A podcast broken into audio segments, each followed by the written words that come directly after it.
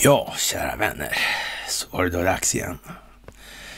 Och det här, ja då, det tenderar att bli en veck vecka att minnas och stormen, den är över oss. Stormen är över oss. Stormen den är över oss, sa Donald Trump i lördags. Amerika skulle bli större än någonsin. Större? Menar kon? Ja, vem vet? Vem vet? Ja, spännande tider. Det är många saker som drar ihop sig. Som om liksom vore det kramper så här på något vis. Konstigt det där alltså. Vad kan det vara egentligen det här alltihopa? Det är så märkligt liksom. Man, man vet inte riktigt om det här är, är liksom... Är det planerat? Eller sker bara saker helt utan anledning? Jag vet inte. Jo, det vet jag. Och det vet ni också. Vad ni också vet, det är att det är en ny vecka. Det är måndag. Det är måndagen den 17 januari 2022. Och då är det dags för ett måndagsmys. Ja, kära ni, det största av tack som vanligt för allt ni gör i de här sammanhangen. Det går otroligt bra. Vilken utveckling. Och ja, det är ju snudd på pinsamt att behöva se de ägardirektivstyrda opinionsbildningsmedierna tvingas till att skriva vad de absolut inte har vidgått tidigare. Vi blir sannspådda i allt, lustigt nog. Det är lite tragikomiskt att se alternativrörelsen, hur de håller på. Det är snudd på, det går lika trögt där. Man tycks på något vis ha panta in sig i någonting, något ställningstagande som, ja, svårt att säga, men någon bäring på verkligheten är svårt att skönja helt enkelt. Som sagt, det största av tack och tack för gåvor på Swish och Patreon och tack för att ni fördjupar er på karlnorberg.se och tack för att ni hakar på Telegramtjänsten. Ja, vi tar väl och börjar direkt, för det finns ju en del att prata om en sån här dag.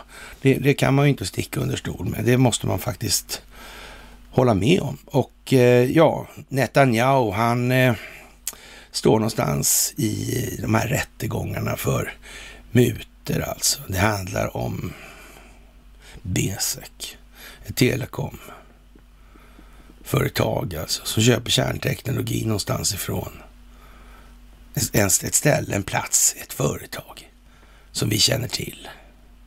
Därav namnet som vi känner. Helt enkelt. Det handlar om ThyssenKrupp, Kockums i botten. Vad har han egentligen att komma med Netanyahu? Man måste ju spela de kort man har då, annars så blir det ju lite tokigt. Det går ju inte.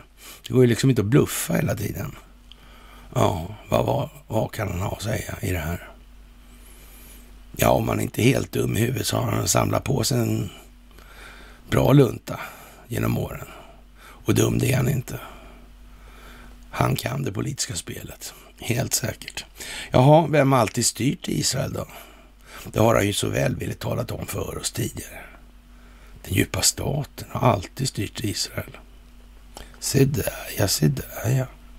Ja, den här konstitutionen i Israel. Ja, är den helt bra då, då om det alltid är djupa staten som har styrt den? Är det särskilt lyckat?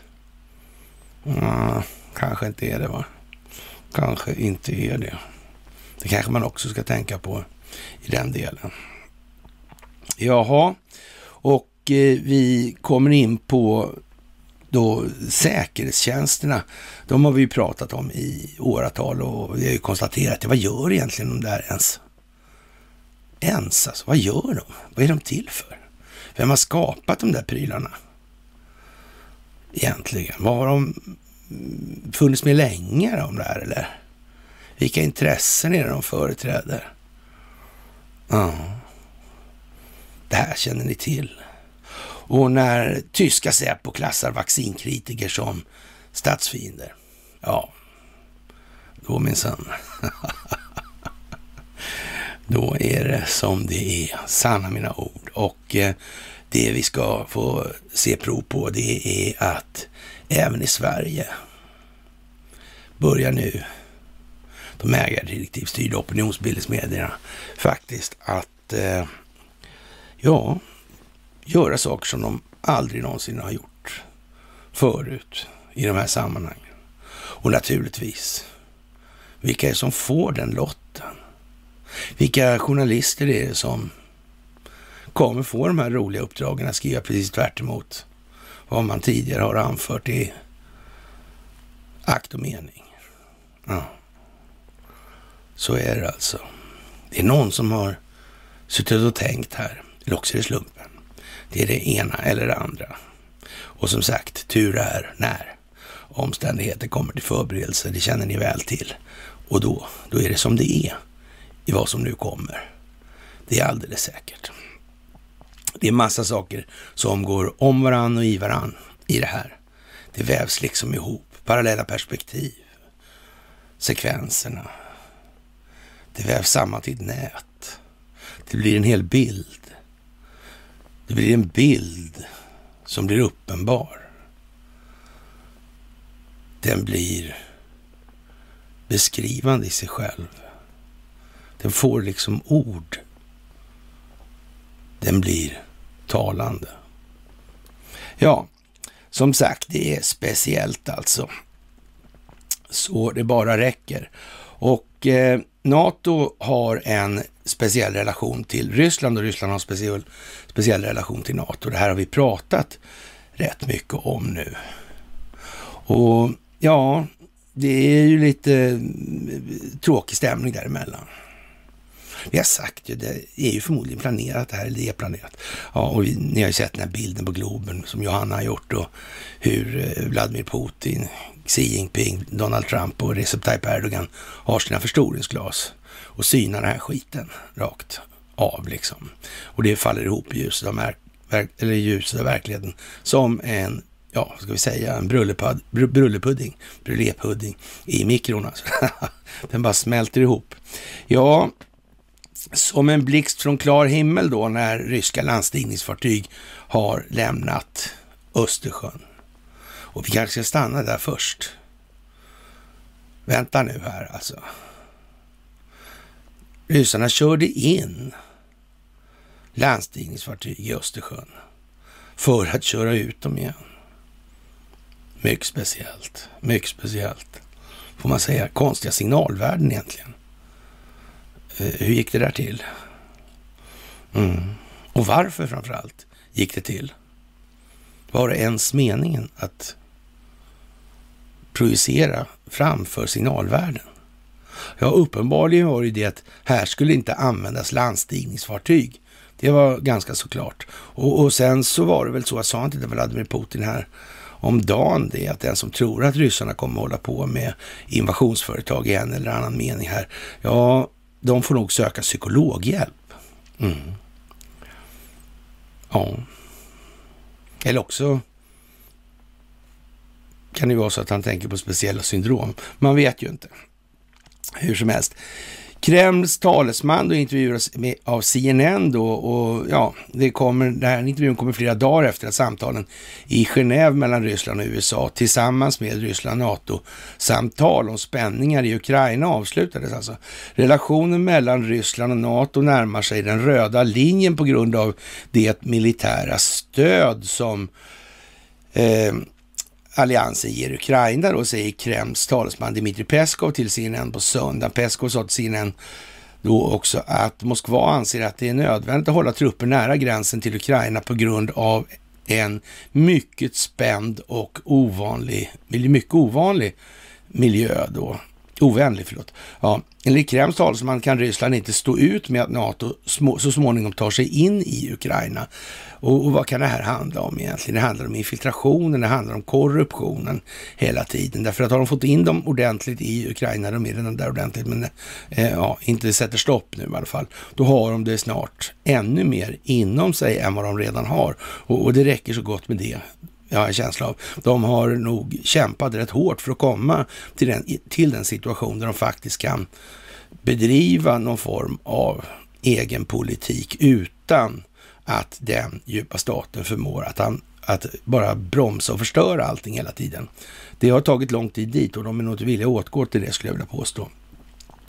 Jaha, enligt Krems eh, talesman då, så är det här en rätt så tråkig historia. Vi har sett NATO gradvis invadera Ukrains territorium med dess infrastruktur och dess instruktörer, leveranser av defensiva och offensiva vapen, lär den ukrainska militären och så vidare. Det här har fört oss till den röda linjen då. En situation som vi inte kunde tolerera längre, säger han då Peskov. Peskov betonade återigen behovet av att sätta säkerhetsgarantier på papper papper eftersom uttalande, uttalade löften inte hindrar NATO från att flytta in i den postsovjetiska zonen då efter det här med Gorbatjov och murens fall. Och, och, det var väl inte så konstigt då med de här vinstmaximeringsintressena som ligger bakom det här hela tiden, att det blev så. Men eh, ja, det krävde ju naturligtvis att det fanns ryssar då som gick med på att det var så. Annars hade det inte fungerat. Såklart inte. Hade ryssarna då sett till, sett till Rysslands främsta så hade ju aldrig utvecklingen blivit vad den blev. Det ligger liksom i sakens natur. Och, och därför kanske man inte är så där jätteintresserad och spe, alltså hugad spekulant på att, att, få in den soppan igen inom landet. Man vill nog förmodligen hålla lite rent där i den delen.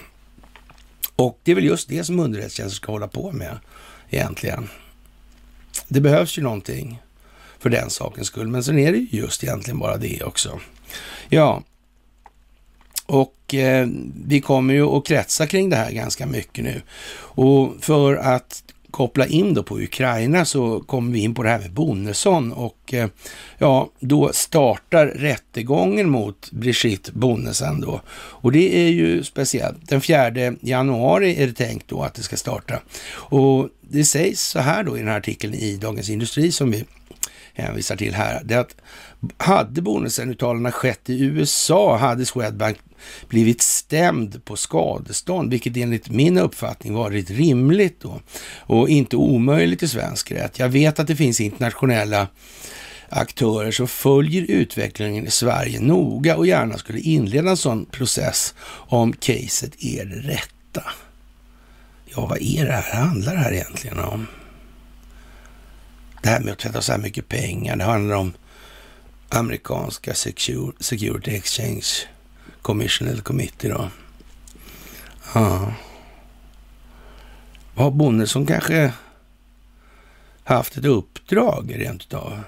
Skulle det kunna vara så?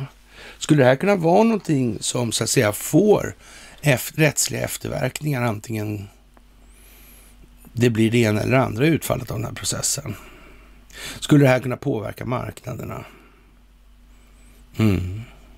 Det är många saker som man måste ta i beaktande när det kommer till sådana här, såna här frågor nu alltså, när de kommer upp. Någon har tänkt, någon har planerat och så vidare. Och eh, Ja, det är väl lite svårare att, att, att, säga hur det är upplagt för opinionsbildningen i den meningen. Det är ju många saker som ska vägas in här samtidigt och situationen i Ukraina pratade vi just om då, den som är mellan USA och NATO. Men de övergripande problemställningarna, de har vi också belyst många, många gånger när det gäller det här med Israel till exempel i sin nuvarande form. Alltså det är ingen tillfällighet att Benjamin Netanyahu ju nu tänker sig att sälja ut den djupa staten som alltid har bestämt där. Den här, ja vad ska vi säga, dispositionen eller konstitutionen som råder nu, den tycks ju inte vara aktuell i alla fall i vad som kommer. Inte om den djupa staten har bestämt det hela tiden. Det finns ju inte en möjlighet ens. Det kan det inte vara. De har nog ätit sig in i både bjälklaget och jag vet inte vad.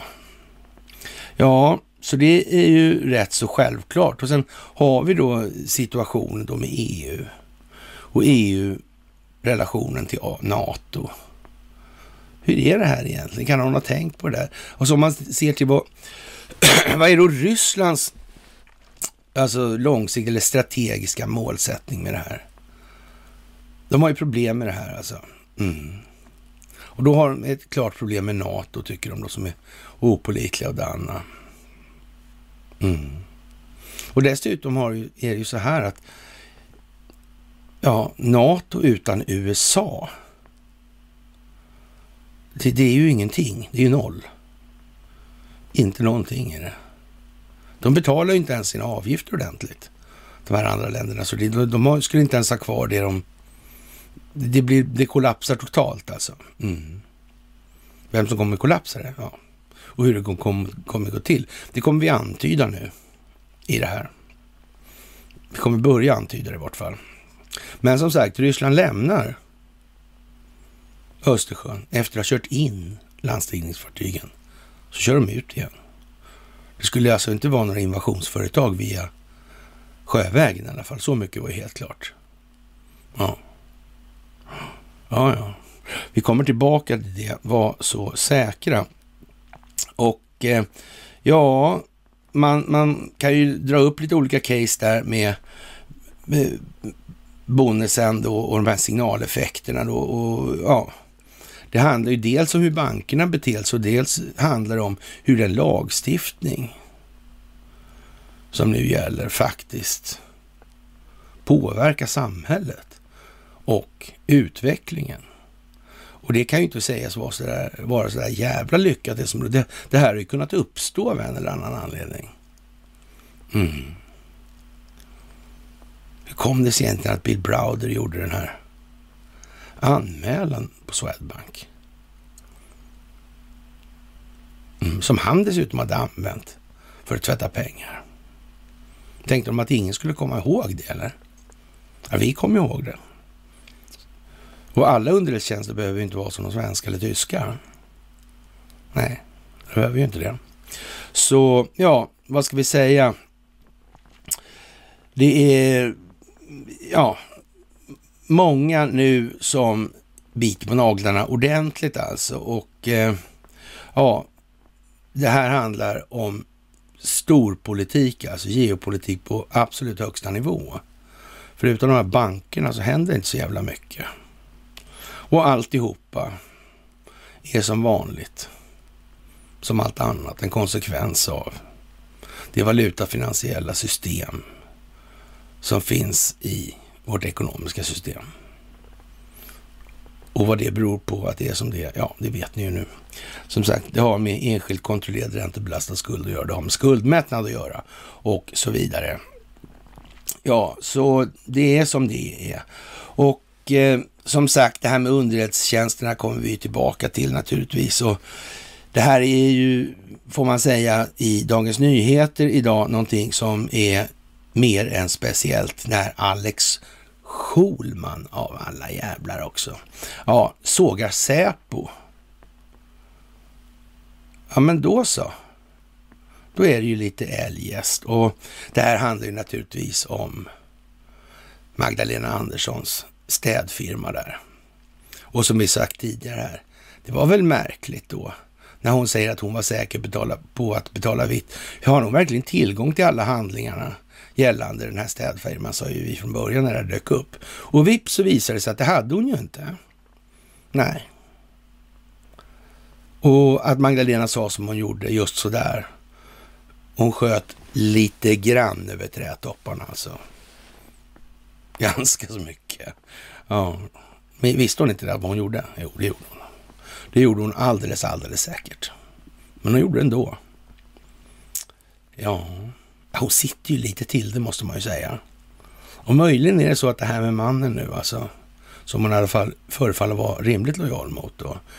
Men han har ju inte så mycket att komma med i den positionen han sitter just nu. Han är nog mer ett sänke i sammanhanget skulle jag påstå. Ja, det är mycket, mycket värre än han varit då planekonomiprofessor i Sovjetunionen när muren föll alltså. Jaha, Och nu, Schulman har uttryckt så här, Säpo är, ett, är en samling spån, Säpo är ett gäng genier, det går inte att bestämma sig. Det är både och samtidigt. För jag vet inte hur man annars ska sammanfatta det faktum att de först gör bort sig på det mest generande vis och sen kommer på det listigaste sättet att se till att all denna inkompetens aldrig kan kritiseras. Det kan man ju inte säga är sådär. Det är inget överbetyg i alla fall till någonting som ska vara samhällsbärande. Det kan man ju inte säga. I Dagens Nyheter som har ägardirektiv. Det, det kan man inte påstå. och pyssla med agendasättande journalistik alltså. Ja.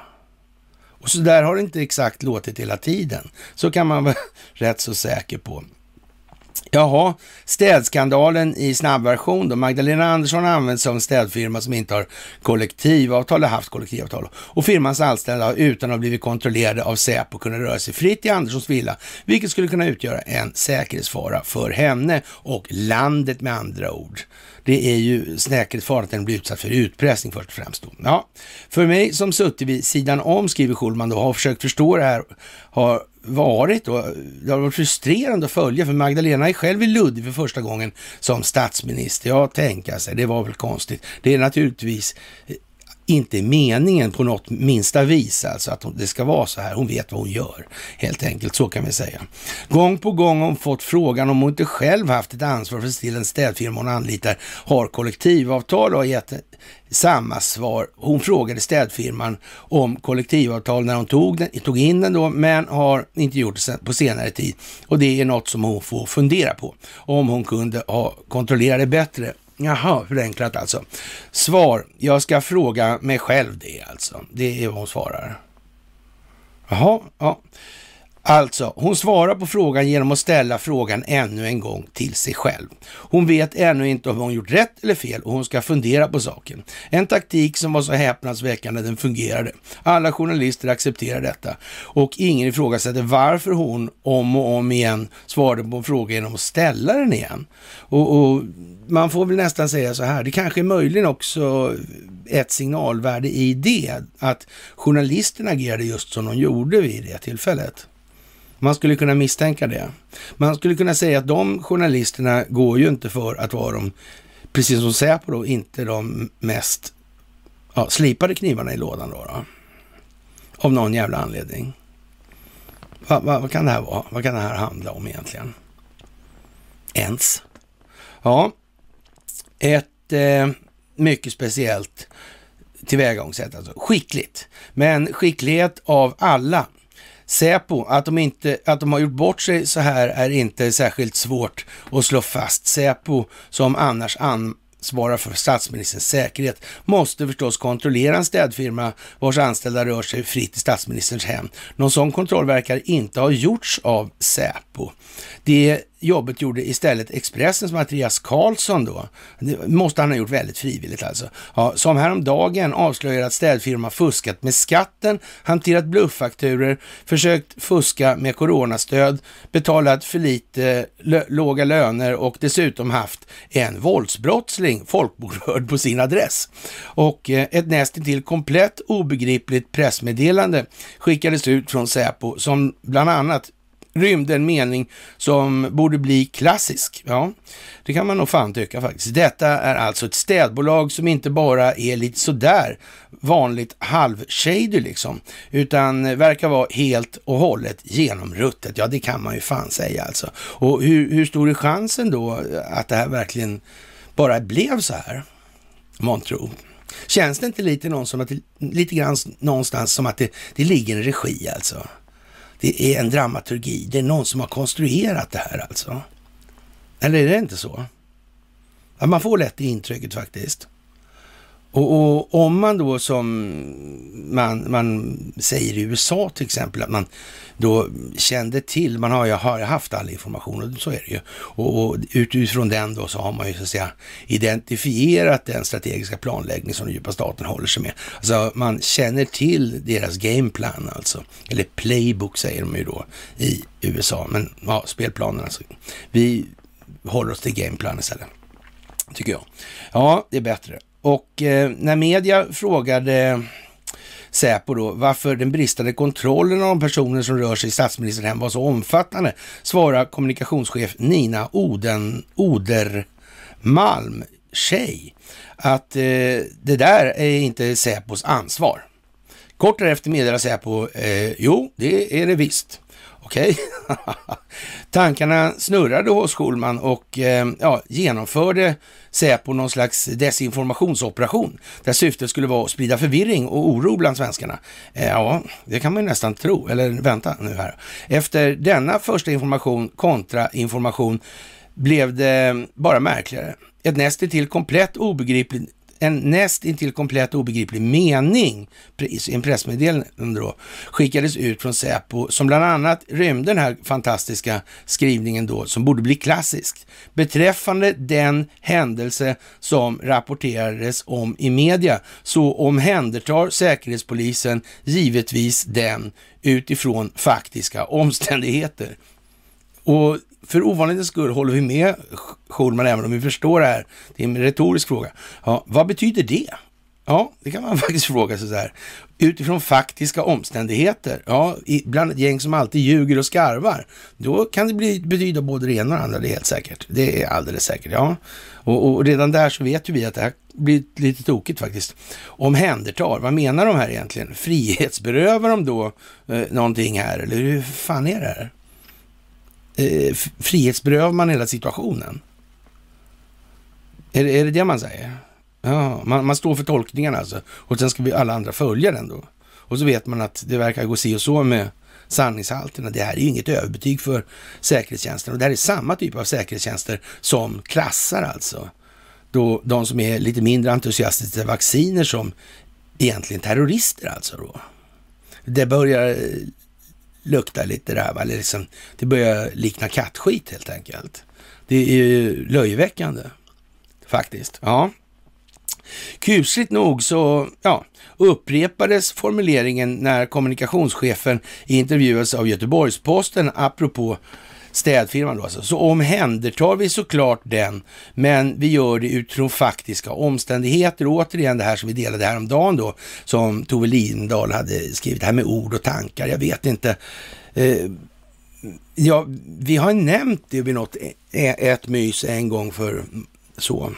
Eller så har vi nämnt det fler gånger än vad alla kommer ihåg och så här. Nu får vi se verkligen hur det här egentligen fungerar. Det här handlar om optiken, det här handlar om att skapa en bild. Det här handlar om att bilden ska bli talande. Det ska bli uppenbart vad det är för någonting. Det ska gå att sätta ord på bilden för människor. Jaha, och eh, ja, så i ja, vad ska man säga? Det, det, så obegripligt är det här ju då, så då blir han väldigt ledsen och nedslagen och känner sig introvert och ville sova mycket. Ja, det kan man ju, han är lite klen där, han är inte så van vid så här mycket så hårt liv i, i själen. Ja, och så nästa steg då i Säpos påverkansoperation på det svenska folket. Ni märker hur skrivningarna går här nu. Det här är ju inte precis den, så, de formuleringar som vi eh, brukat, har brukat läsa. Och, och en normal, så att säga, alltså en liten passage inom talsträck eller motsvarande, eh, eller parentes kanske rent utav, jag vet inte vad som passar. Och bäst egentligen, eh, rent pedagogiskt. Men man skulle ju kunna någonstans i alla fall eh, tänka sig då så här att Eh, Eh, eh, om det är så här nu, kan det ha så, varit så tidigare vid något enstaka tillfälle möjligtvis? Eller eh, är det så det gängse då att man ljuger i största allmänhet och då ska vi lita på dem i alla fall då? De ljuger för vår egen skull alltså. Det är därför de inte talar om för oss vad de egentligen vet. Det blir ju liksom dit vi ska hamna i det här med den här optiken så småningom. Och ja, den här slugaste delen av alla, den här fasen i vilken man inte vill prata om säkerhet eftersom det kan äventyra säkerhet. Och eh, jag har läst, säger Schulman då, ett 20-tal versioner av samma kommentar från Säpo de senaste dagarna. Vi gör en massa saker och vi har gjort en massa saker, men när sagt vad vi gör kan vi inte gå in på av säkerhetsskäl. Och, och ja, som sagt, när det här står i Dagens Nyheter så är, är det ju någonting som har hänt. Det är uppenbart och det kan ingen missa. Och, och, och det är viktigt att komma ihåg det här nu faktiskt.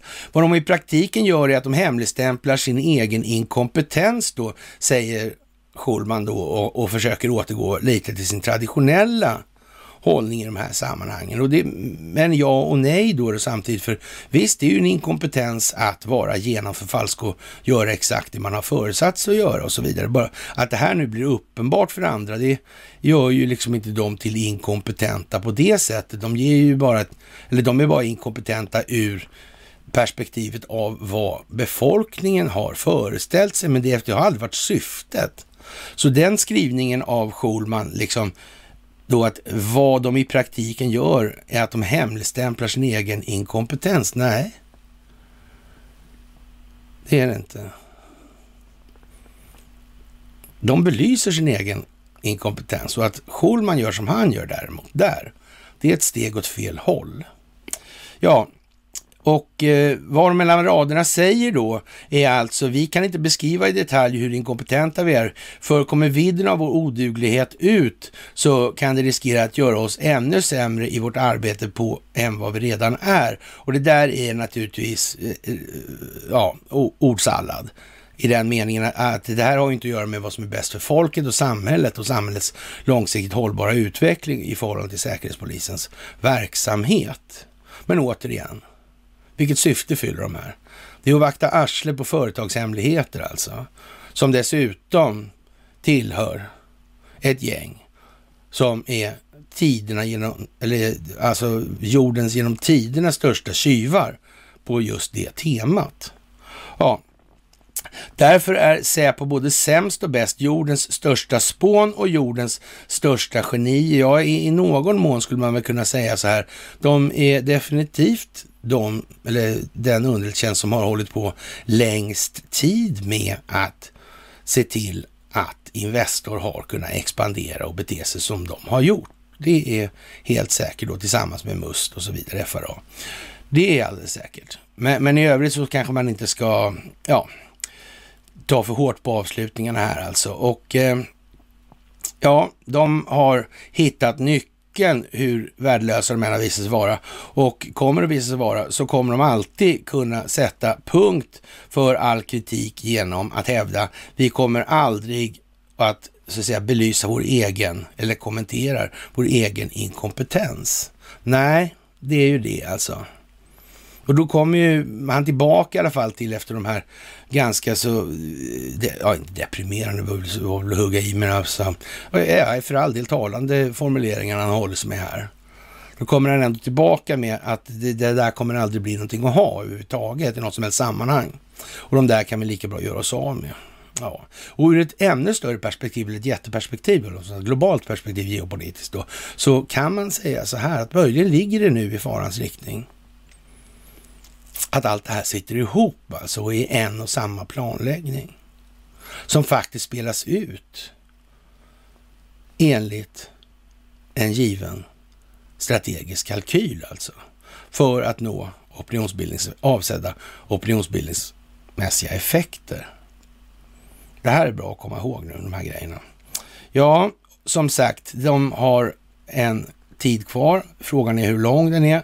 Det återstår som sagt att se och vi minns som sagt det här med tyska Säpo. Vi minns också det här med Ja, hur var det där? Var det inte var valfusk? Jag hörde vi av det. Nej, det gjorde vi inte. Nej. Var inte förresten då, var det ingenting med de här rösträkningsmaskinerna och datatrafiken som gick utomlands? Gick inte någonting till Tyskland där? Det var bara sagor kanske. Det här Durham, vad gör han egentligen? Är det bara liksom en myt, en skröna, en folksägen? Finns det någon substans i de här historierna överhuvudtaget? Eller är det bara trams? Ja, som sagt, han höll ju tal där. Han höll ju ett rally då i Arizona. Vår gamla BB39-stat där. Och han sa faktiskt där också att Arizona kommer ta tag i det här och leda. Han har kollat mycket på mysen, det är säkert. Alltså, det måste han ha gjort. Eller han har någon som kollar åt sig kanske, så kan det också vara. Ja, hur som helst så det är speciella tider nu och det är mycket som blir väldigt konstigt här för många. Och en som det blir väldigt konstigt för, det är ju då till exempel Andreas Cervenka, grindvakten. Och jag vet inte om ni har sett det här på YouTube då. Ja, jag har skrivit massor med mail till honom för länge sedan och, och så vidare. Och vi har korresponderat helt enkelt, svaret och sådär. Så en hel del. Och sen så tog jag tag i det där någon gång när han var med på ett seminarium på Kulturhuset i Stockholm. Så inför kameran då så, så tog jag och ställde lite frågor eller påstod att det var nog bättre att göra så här. Eller är du orolig för lönen och redaktionen och bla bla bla. bla. Blev de tjuriga där och så. Ah, han skulle nog försöka ta tag i det. där. Det gjorde han ju inte då naturligtvis. Men i alla fall då. Och eh, nu börjar han ju få krypa till korset. Men det här med skuldmättnad och sådär, det kan ni bara glömma alltså. Det kommer inte hända helt enkelt. Och möjligen har väl han så att säga pantat in sig lite för hårt i mångt och mycket nu under de här åren som har varit. Jag vet inte riktigt hur han tänkte sig att det skulle lö lösa sig för hans egen del då. Det, det, har jag ingen aning om faktiskt. Ja, det är möjligt att han har snackat ner andra och det här är en del i spelet så, men det här är fortfarande, han är fortfarande ljusår ifrån att säga någonting som är mer än bara trams. Ja, sånt som är axiom, alltså självklarheter. Och eh, några, det blir ju liksom några små stycken alltså som, som ja, har lite värde. Här är ett stycke till exempel. Så ja, det är en sammanfattning som vi har gjort då och eh, under ytan går att ana en märklig förskjutning av människors prioriteringar alltså. Och ganska få som vaknar upp efter ett par veckor i covid respirator börjar trots allt att fråga hur har börsen gått då? Besattheten av aktier och kortsiktiga klipp liknar nästan en sjuka. Höggradigt smittsam och med potential att slå ut vårt omdöme till den grad att ett livsfarligt virus kan ses som en frälsning. Ja, det som brukar kallas för girighet alltså. Och det är inte heller någon sån här skrivning eller så som är riktigt eh, comme il faut i de här sammanhangen. Det får man ju faktiskt komma ihåg. Det får man komma ihåg. Vi är där nu alltså. Mm. Jaha, och eh, det här måste ju lösas på något vis. Och det är ju liksom ingen liten geopolitisk kraft som ska elimineras här. Och det är ju helt självklart att det har man ju så att säga vidtagit mått och steg till att ha planlagt så in i helvete noga så det liknar ingenting. Man har kartlagt och mätt. Oj, oj, oj, oj, oj, oj, oj man har. Ja. Så är det ju. Men sen då? Man skulle ju kunna säga att de här fyra gubbarna där då, med den här globen som sjunker ihop som en sufflé. Mm. Skulle de kunna ha någonting att göra med det här senet? Skulle det kunna vara någonting? Det skulle det kunna vara kanske. Mm. Ja, Ryssland har ju något företag där. Vi kommer tillbaka till det företaget. Mm. Som sagt, Sergej Lavrov förväntar sig stöd angående det företaget vid ett möte med Ann Linde. Det kommer vi ihåg, faktiskt. Ja. Amerikanerna då? Vad ska de kunna använda för någonting i den här delen? Ja, ja jag vet. De skulle ju kunna svara för säkerheten kanske. Det skulle de kunna göra. De har ju en massa maskiner för sånt. Det skulle kunna vara en grej. Ja, och så vidare. Det kan vara så att ett internationellt samverkansprojekt i, i så att säga, pipen nu alltså, gällande då Stockholmsbyråkratin och dess utbredning. Och kanske till och med i, för svenskt vidkommande, man vet ju inte. Kan det vara så? Ja. ja någon rysk invasion verkar ju inte vara förestående, så mycket kan vi ju konstatera. Och ändå så sitter politikerna och säger som de gör. Vi befinner oss alltså i, då lågintensiv, ett lågintensivt skymningsläge. Alltså. Aha. Mm. Ja, det är speciellt. Vi kommer tillbaka till det.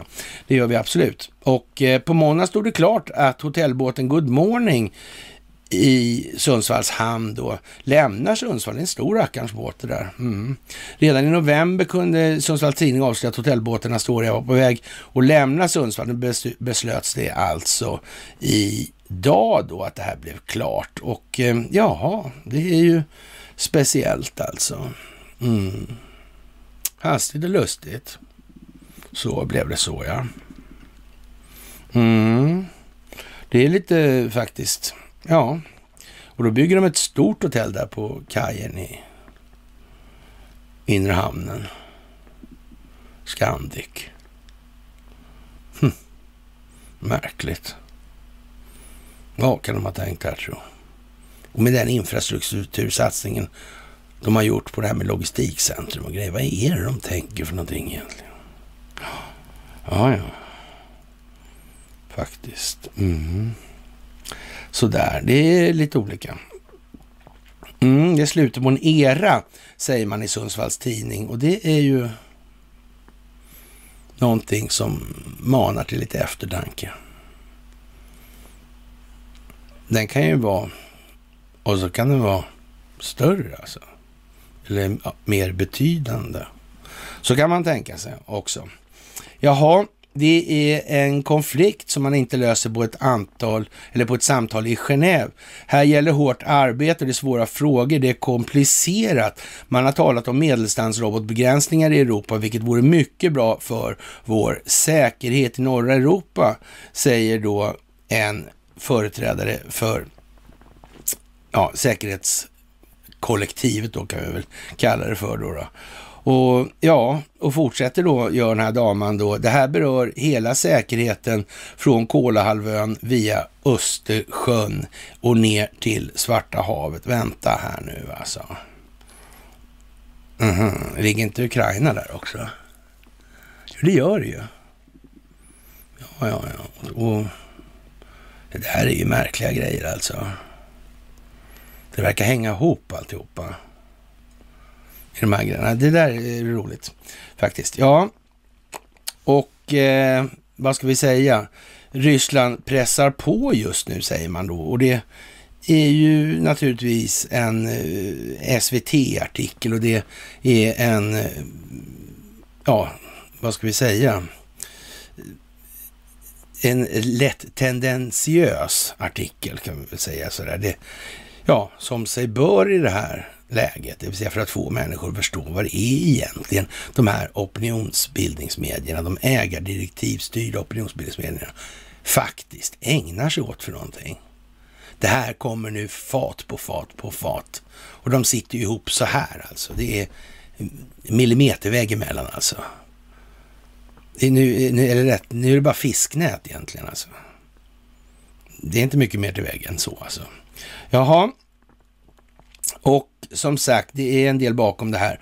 Och eh, det, nu måste fler förstå vad som kommer. Det är det som är syftet med det här och det är ju det som händer också naturligtvis. Fler och fler förstår ju liksom att det här är ju rena dumheterna alltihopa. Och de som har för länge sedan förstått det här med de här olika revolutionerna och ismerna och så vidare, de börjar ju bli snudd på lika gråhåriga som jag är alltså. Av, av det här trista klimatet som ändå tvingas fram, eller tvingas råda nu för att ta det här vidare. Men det är bara att bita ihop, vi har inget annat val och det här ska göras ordentligt och det är det som vi gör nu i det vi gör. Jaha, och eh, det sker en lågintensiv försämring av säkerhetsläget i Sverige och det finns anledning att vara vaksam enligt Försvarsmakten. Den militära närvaron på Gotland har förstärkts och på måndag morgon uppger Försvarsmaktens insatschef Mikael Claesson till Ekot att flera ryska landstigningsfartyg är på väg ut ur Östersjön. Alltså det vi började med lite grann där. Och det är ju en sån grej som man ju tänka på alltså. Men vad är det som utgör egentligen då det här militära hotet, det här? Det här är ju originellt skrivet ändå alltså. Det sker alltså en lågintensiv, alltså det är inte pang och smäll och hej och sådana här grejer, utan det är ju lägre grejer och sen är det då använder man fortfarande, om vi säger så här, det är två, tre delar av det moderna kriget. Det är informationshantering, det är ekonomi och det är då kinetisk militär verksamhet. Och, och så att säga, när man inte har längre möjlighet att styra genom den första delen om 80 procent. Så då får man ju börja glida in på den ekonomiska delen som sanktioner och sådär som USA ägnar sig åt. Då. Eller vad ägnar sig åt då, ska vi väl säga. Ja, och, och sen får man väl ta till då militära muskler då, eller vad man ska kalla det för då. Kinesisk militär verksamhet, alltså när militära saker flyttar sig rent fysiskt alltså. På det viset. Och det här är ju naturligtvis en glidande grej också. Det är inte så att de för, första två upphör bara för man börjar med den tredje, va? så är det ju inte. Och sen kan civilbefolkningen koppla av i övrigt så fungerar det inte. Nej, det är inte alls så. Och eh, man får ju ändå säga så här, när det sker en lågintensiv försämring av säkerhetsläget och då finns det liksom anledning att vara vaksam. Och, och, och så säger man så här, men blir det alltså sämre av att de här landstigningsfartygen för, för i den allmänna uppfattningen så är det ju så att det är ju Ryssland som utgör det här hotet.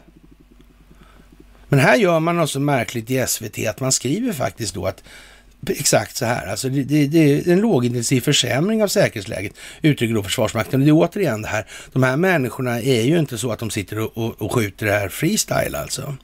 Från så, eller uttrycker sig. Det här är jättenoga med de här orden, alltså precis som i Säpo. Man visar verkligen det att liksom, det här är jättenoga. De har ju repeterat det där. Och, och liksom, ja, det är så det går till liksom. De, de har inte mer talang än så alltså. Så det, det, är liksom regisserat, regisserat, regisserat manus. Sådär. Och, och det, man kan ju tycka då att, att flera ryska landstigningsfartyg är nu på väg ut ur Östersjön. Det alltså innebär en lågintensiv försämring av säkerhetsläget i Sverige. Jaha. Då kanske svensken ska, ska tänka, varför skriver man så här för? Varför skriver man så här? Vad betyder det här? Ja. Men, men eh, det pågår ju kinesisk militär verksamhet här i Sverige. vi flyttar ju de här hemvärnsgubbarna hit och dit alltså. Mm. Ja, vad konstigt det där alltså. Det är ju speciellt. Det får man säga. Mm. Vad sa Donald Trump förresten? Han sa... Ah, just det. Han, han lovade att återinföra överraskningsmomentet i militära doktriner, sa han inte så? Och, och sen var det väl så här då häromdagen, var inte det så att Carl Bildt var i farten någonstans? Tror jag. Vi kommer tillbaka till det, för det var ju nu i helgen. Och det handlade om falska flaggor, false flags alltså. Ja, ja Sverige var tidigt på bollen där. Med den typen av grejer. Ja. Tänka sig, uppfinningsrika jävlar. Ja. Mm. Varför skulle Carl Bildt skriva sådär förresten? Ja, vad konstigt. Men det är inte det enda konstiga han har skrivit sista dygnet. Det händer mycket konstigheter med det där nu. Bara sådär. Han kan ju idag nästan betraktas som, eh, ja, om, om inte otillräknelig så i vart fall lite mindre seriös än tidigare, så kan vi säga. Det är helt säkert. Ja, det här måste man tänka på försvaret alltså. Flera ryska fartyg på väg att lämna Östersjön. Det innebär alltså ett då en lågintensiv försämring av säkerhetsläget i Sverige. Låter inte det märkligt? Det låter väl lite kontra ändå, va? Ja, så. Vi kommer tillbaka till det här igen, tro inget annat. Och eh, det är ju covidiotin får man väl nästan eh, säga är vad den är. Den är ju hyfsat, ja, döende skulle man väl kunna säga då. Och, men vi, vi, kan väl lämna den så länge så kommer vi kan komma, komma tillbaka till den. Ja, så, det där var väl kanske inte meningen va? Ja, och eh, det ryska hotet försvann alltså och det här är ju vad man kan kalla för en rätt så tydlig optik. Det är inte skitmånga som, som kanske liksom tycker att ja, men det här, så här, de har bara skrivit fel alltså. Nej, i de här lägena så har inte de ägardirektivstyrda opinionsbildningsmedierna skrivit fel. Helt säkert. Det, det är inte så. Och, och, då får man nog nästan tänka om det är så då. Uh -huh. Va, var kommer den här försämringen? Donald Trump han sa ju som sagt det med återinförande av överraskande militära doktriner. Mm. Måste han mena... Han, han sa väl, om det här kom från Sverige då från början, då försvann ju militära doktriner någonstans där. Då måste man väl ta och täta den läckan då kanske i det skrovet. Kan det vara så man menar? Ja. Det vet vi ju inte. Men det skulle ju bli större än någonsin i USA. Man vet ju inte. Som sagt, det är väl ungefär så. Och eh, ja, den svenska politiska adeln, den är väl vad den är kanske då. Skulle man väl kunna säga. Jaha, med vad är egentligen EUs gröna taxonomi? Eller taxonomi? Och då hoppar vi, ja, vi, gör, vi gör inte det egentligen, alltså, men vi tar ett annat anslag på det, så det låter som vi hoppar. Vi är, pratar om precis samma sak då egentligen. Och det här handlar om energi alltså då. Och, och vad det här grejerna som händer då i, i det här med klimat och miljörörelsen och så vidare. Det är det här konstiga grejer alltså. Och, och man pratar ju då med EU-taxonomin och EU det är ju då en del av de här övergripande strukturerna som har gjort att då motsvarande kalla kriget och så har kunnat vidmakthållas i det här. Eller Ryssland har blivit vad det har blivit efter Sovjetunionen. Så kan man ju säga. Och eh, det här är lite konstigt. Det här är man mäter då vad är långsiktig hållbarhet och vad är miljöpåverkan och klimatpåverkan och sådana här grejer. Och man anför då från politiskt håll att vi har ju ändå en viss bra grej i det här med vattenkraft. Men frågan är, är det verkligen så bra det ur klimathänseende eller ens ur ett miljöperspektiv? En sak är helt säker, att de här regleringen av älvarna, den gick ju inte riktigt sådär jättebra till första gången. Och, och den var ju grundad då på någon gammal bysaga då från ja, 1800 kallt eller 1700 eller sådär. Det var jättelänge sedan alltså. Mm. Den var, var inte liksom up to date. Och mm, sen kan man väl säga så vis av erfarenhet som svensk då kan man väl säga att eh, nu vet vi ju att vattenkraftens miljöpåverkan är under utredning igen, men eftersom den är det igen här nu så känns det som att den, den här omrevideringen man tänker så här nu, den har ju en anledning, det finns väl en grund. Det är inte så att man kom, kommer komma på då att man kunde bygga ut det här mycket mer om man ser till exempel på Ljungan då som är återkommande, en sån här grej då. Därför att det, det, det, det sitter ju liksom i, i det är kärnan, kärnan då, om vi säger så, i det svenska Indien då. Och eh, ja, och den här, de här utredningarna som gjordes från början, om, om de ens gjordes alltså, kring det här, det var ju någonting som skedde då på initiativ av industrin och dess behov alltså. Och, och, vem som bestämde, det, är liksom ing, det kan knappast vara någon som tror då att nej men befolkningen och miljöaspekter och sådana grejer var mycket, mycket större då för hundra år sedan. Men det, det, är inte så, ja det är klart att det finns svenskar som tyckte det var bättre förr, som tror det. Men, men många kommer ju faktiskt att inse då att nej, fan, det där, nu är det nog... Och, och vad, vad, är problemet då med det här med den här vattenkraften då? Ja, det är ju älvarna naturligtvis och Sen blir det det här med, med fiskarna tänker alla på direkt. Det är väl de största komponenterna man ser det på. Då, så där. De kan inte vandra uppåt. Och de i sin tur påverkar ju då ekosystemen högre upp i flödeskedjan då, eller flödet. Mm. ja, men sen är det ju en detalj till. Alltså det finns ju näringsämnen som följer med det här vattnet. Och de når aldrig Östersjön. Är det någon som har hört talas om att det, ja, Östersjön-målet är risigt? Kanske till och med någon som har sett det, att det är lite risigt. Och, och det kan man väl säga börjar väl bli lite sådär äh, halvt om halvt pinsamt som svensk då liksom. Att vi, vi står och skriker om då, ja, det är så mycket med miljö och klimat och så vidare. Och sen då?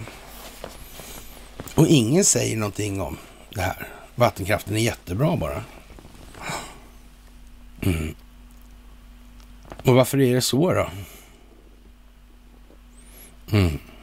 Man kan säga att det här med kärnkraften nu, det börjar ju bli lite så här, det är absolut inte så bra med då den här kärnkraften tycker man från politiskt håll. Då. Men, men, men, det kanske kan vara lite bra. Men EU har ju sagt att det är nog långsiktigt hållbart och bra och sådana grejer. Mm. Men vad skulle egentligen hända med energimarknaden om det fanns? Om man tog bort... Ursäkta. Låt säga att man tog bort hela så att säga, farlighetsfaktorn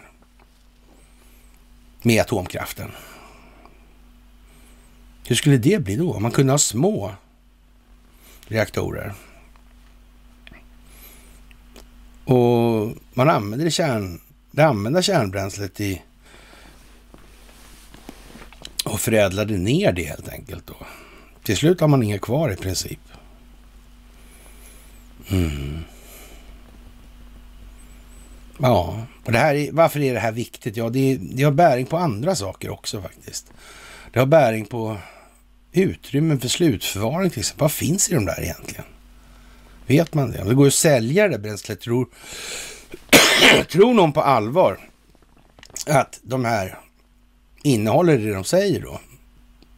Till 100 procent. Det kan man inte tro på. Det är omöjligt.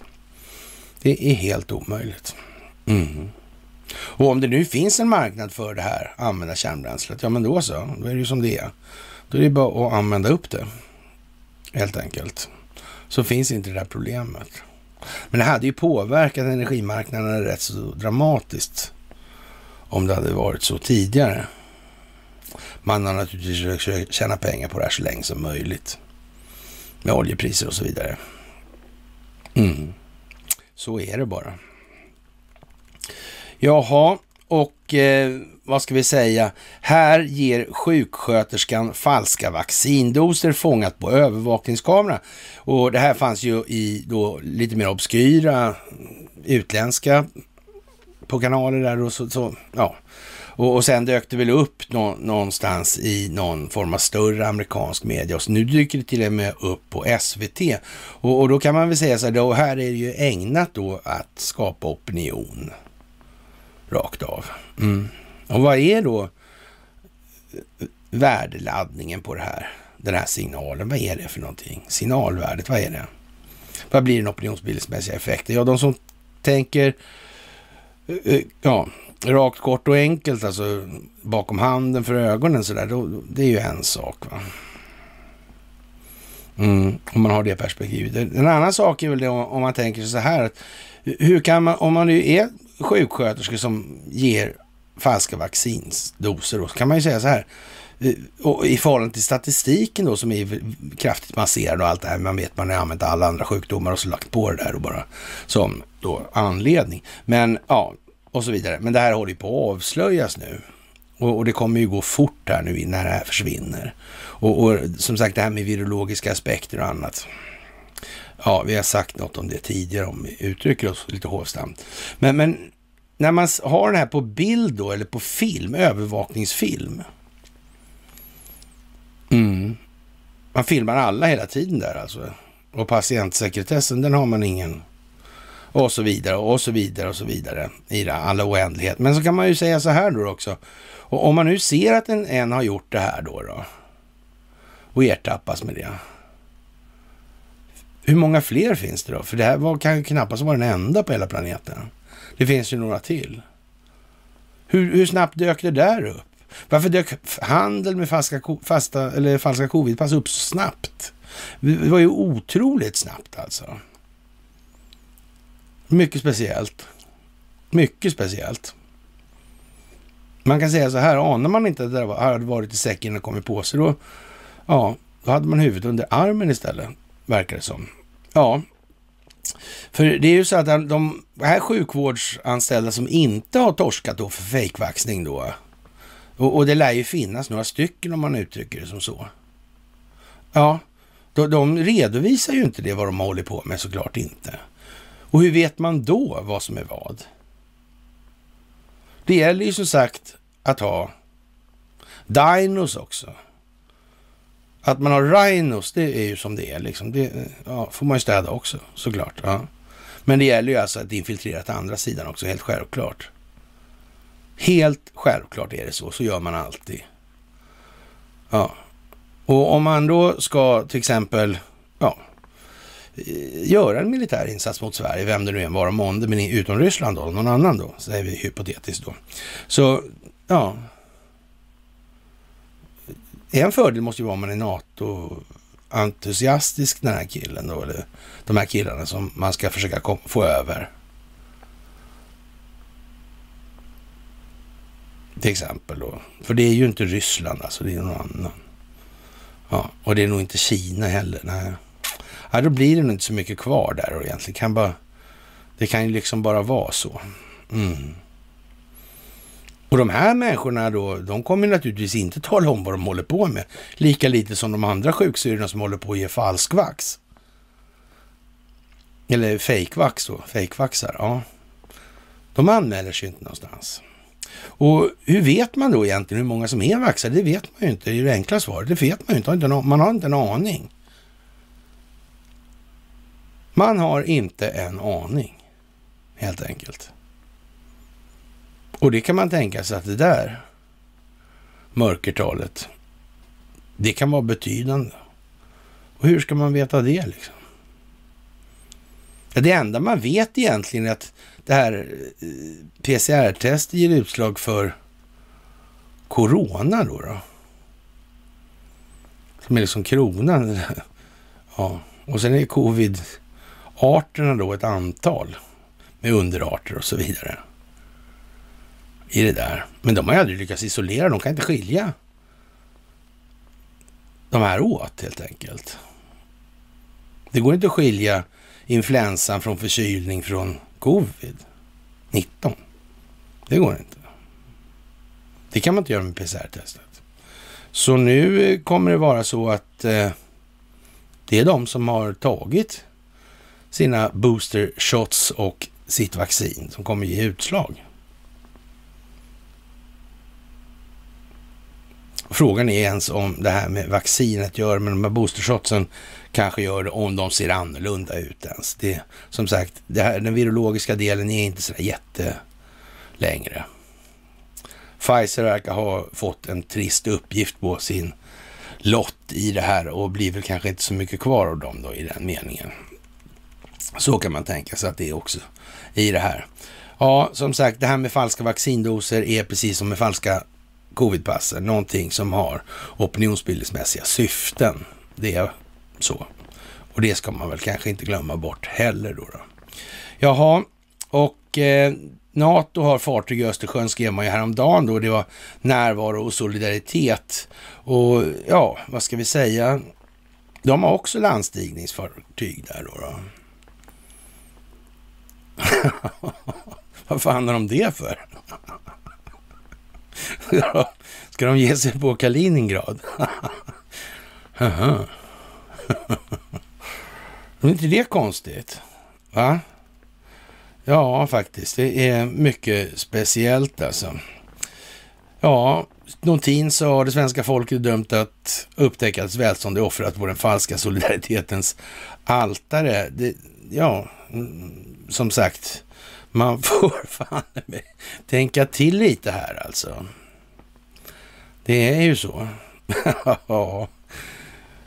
Ryssarna lämnar väl landstigningsfartygen och hit kommer amerikaner. Ja, jag vet inte, men jag tycker det ser konstigt ut faktiskt. Alltså. Det tycker jag är speciellt. Och eh, ja, det är ju NATOs krigsfartyg AHNLMS.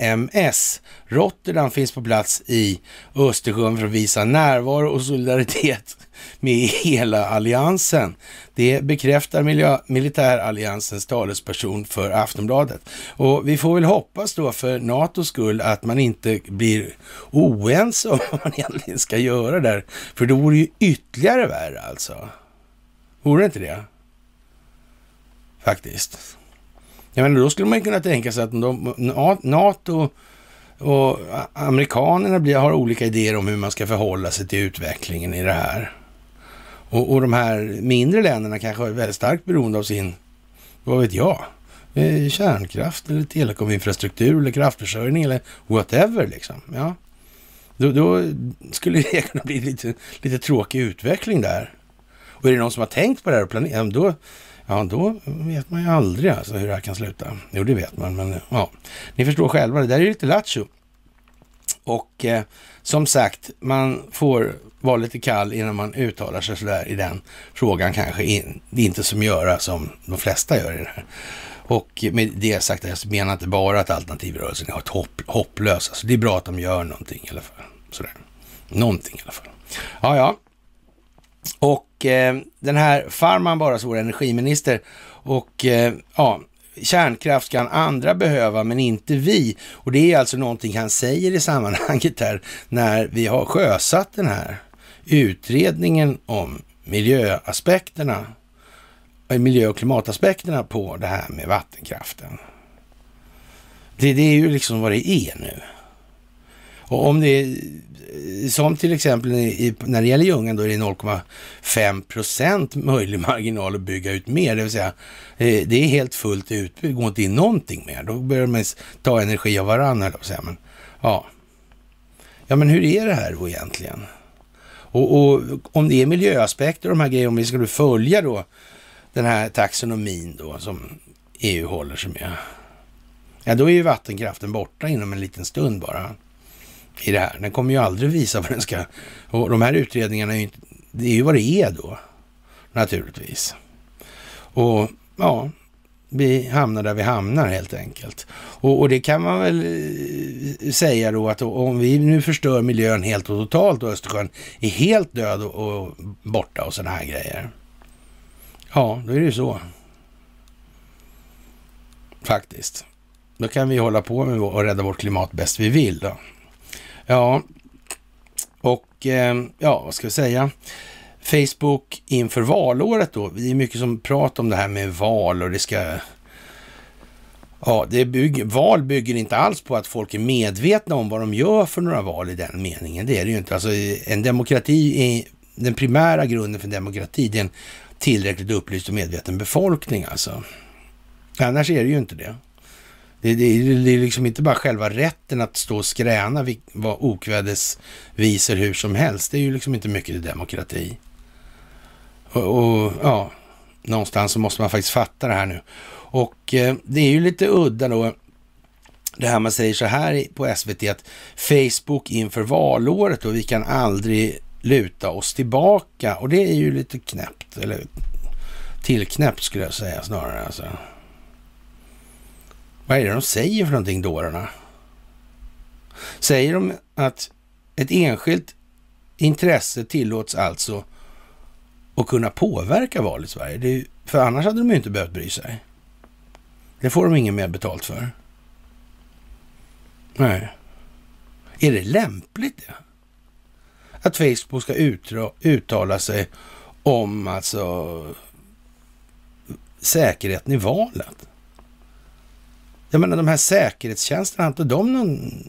hur fan är det här egentligen? Är det bra om det är så här att Facebook bestämmer rent utav?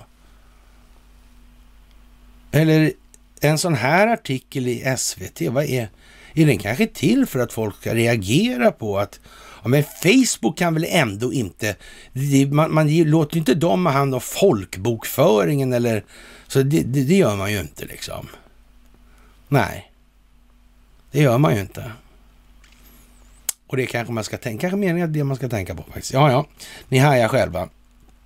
Och eh, myndigheter rustar mot valpåverkan inför höstens val. Och, och, det är tydligen någonting som har förändrats i det här då. då. Och det, det är lite grann det här det är SVT det också och det har ju liksom blivit det här att ironin har övergått till sarkasm i det här. Det är ju fan löjeväckande alltså. I höst går Sverige till val när nu kraftsamlar gamla som nya myndigheter mer än någonsin för att upptäcka påverkansförsök från andra länder och minimera riskerna för felaktiga rykten om valfusk. Det svenska valet är säkert, menar Valmyndigheten, som dock ser risker. Ja, jag vet inte om det ska, det går inte att få det mycket tydligare eller mer tydligt i det här. De, de publicerar alltså den här typen av nyheter nu och, och, det är som vi har sagt hela tiden, alltså där gäller det perspektivet och så gäller det de kringliggande perspektiven och så gäller det alltså parallelliteten i sekvenserna då. Vad händer vad och när? Så kan man korstabulera det här och så kan man se då någon har sökt synergieffekter och får ytterligare ett perspektiv längre bort eller utanför då, där man får en eftersökt effekt i det här. Mm. Och nu kan vi ju bara liksom kallt konstatera då att när det kommer så här, det är bara att sitta och lägga pussel helt enkelt och stoppa in de här, så har, då finns det ju ett mönster i det här. Och då, då sitter ju den här geopolitiska utvecklingen ihop då ända ner till Ukraina upp från Sverige, eller ner till Svarta havet då. Det sitter ju liksom ihop.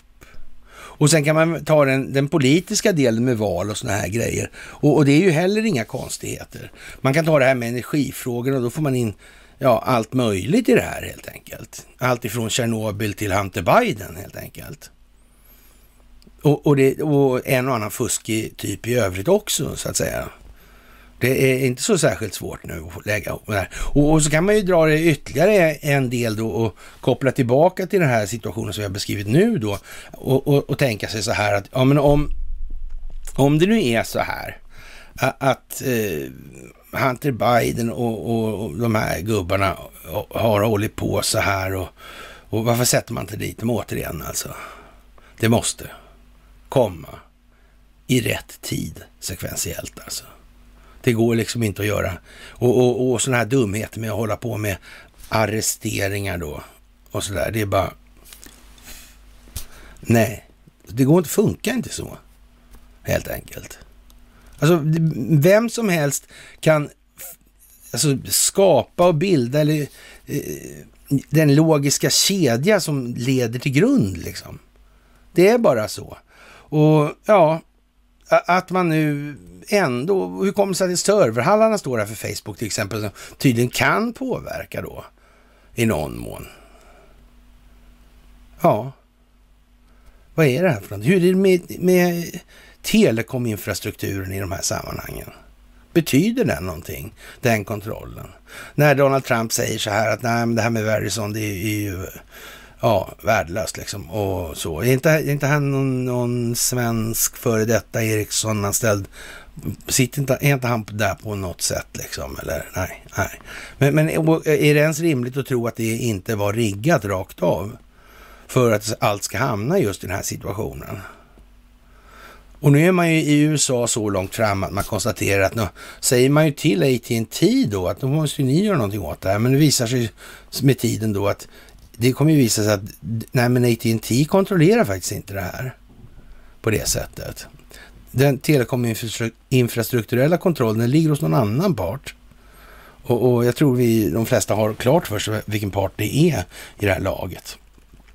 Ja, som sagt, och eh, larmen om självmordsförsök ökar kraftigt och eh, ja, vad ska vi säga då? Vi såg det aldrig komma. Det, den psykosociala ohälsan kommer ta sin tribut och det är många människor som tycker det här är jobbigt. Det har vi sagt återkommande. Alltså det här kommer bli den stora delen av den här prövningen som kommer när människors värderingsgrunder, alltså de känslomässiga grunderna, fundamentet i människor försvinner. Allt det de tyckte var bra, det vill säga plånboken full, ja, försvinner. Och, och, det går inte att göra någonting åt. Det finns visserligen kvar lika mycket allt som fanns där redan från början, eller har alltid funnits, men det blir inte värt något längre. Då är det som det är, kort sagt. Ja, den tysta frysta licensavgiften kan leda till minskade intäkter på motsvarande 25 miljarder kronor de kommande åren och tvinga BBC att skära ner ordentligt. Det handlar om att, ja, Johnson stryper BBC, eller BBC för att rädda sig själv och det är Labour som anför det då i England och Storbritannien. Och, och, vi har ju sagt eh, rätt många gånger också att Boris vet hur man spelar för att vinna. Och vad den här själva vinsten består i för någonting. Det är kanske är dags att, att tänka lite grann på överraskningsmomentets effekter.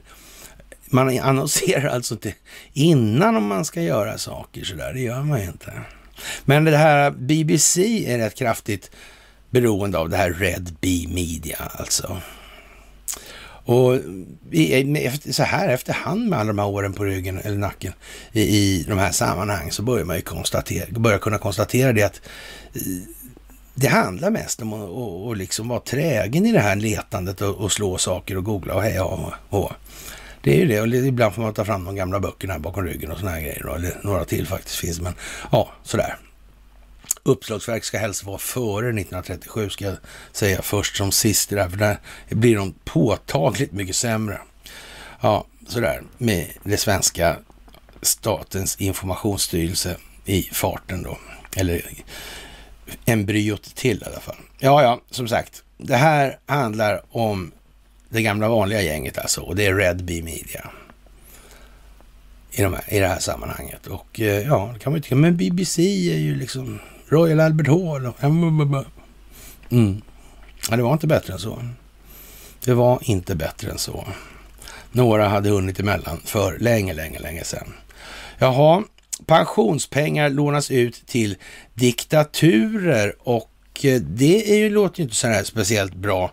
Men vad som är bra, det är det vi har sagt hela tiden och hållit fast vid att det här är en jävla, ett tjuv och rackarpack va. Och vi brukar ju för det mesta koncentrera oss på, ja, för detta ja, AP Fastigheter då, då fjärde AP-fonderna, för där är det ju, var det liksom ruttet som fan och, och, det finns ett antal jurister där, eller ett par stycken i alla fall, som eh, förtjänar den framtid som kommer om längs dess väg alltså. Det, det, är bara så.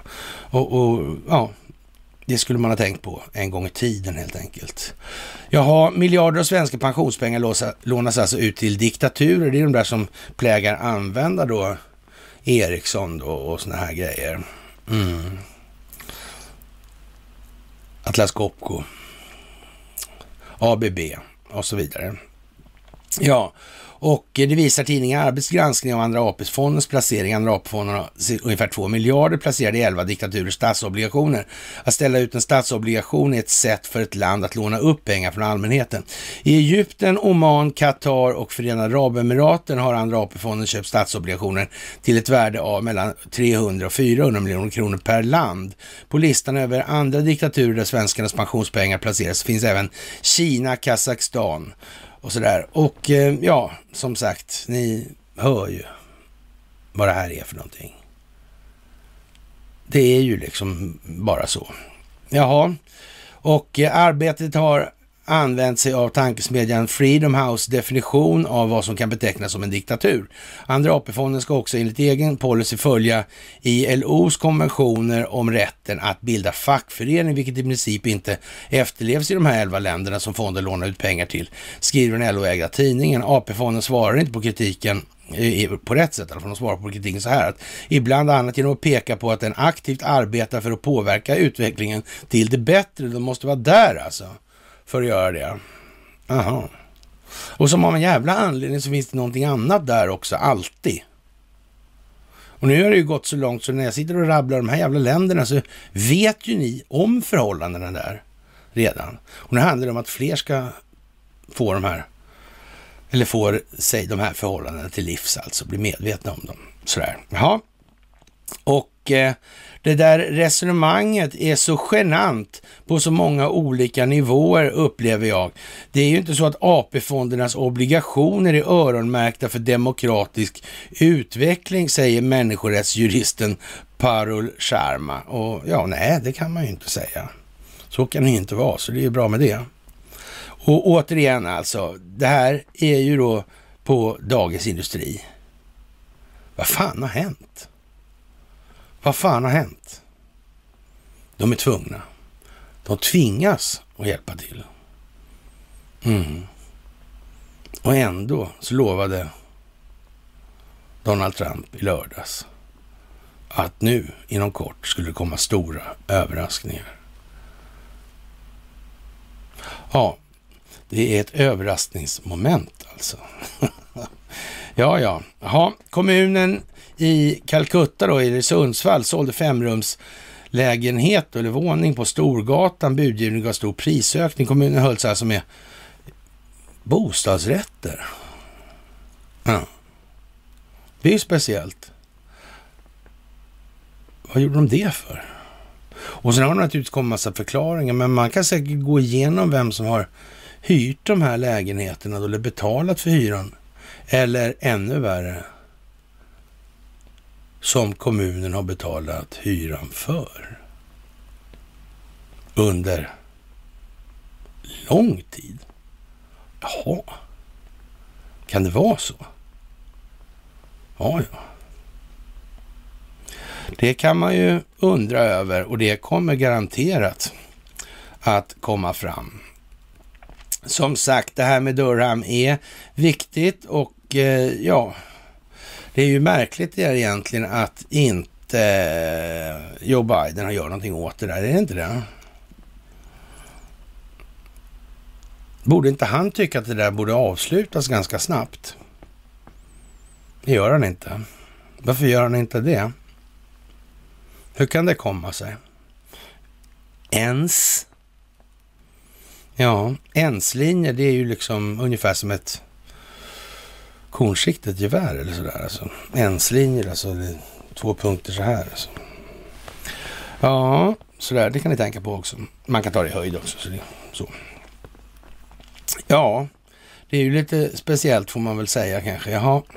Och eh, ja, Investor äger Ericsson och eh, de ligger främst inom 5G. Investor äger Saab som samarbetar med Boeing och Saab och Ericsson har utveckling och samverkar inom försvarssystem och Boeing säger sig ha problem med höjdmätare som störs av 5G. Och då uttrycker vi oss här, okej. Okay. Och sen okej okay igen. Det kan inte vara så där skitsvårt nu alltså.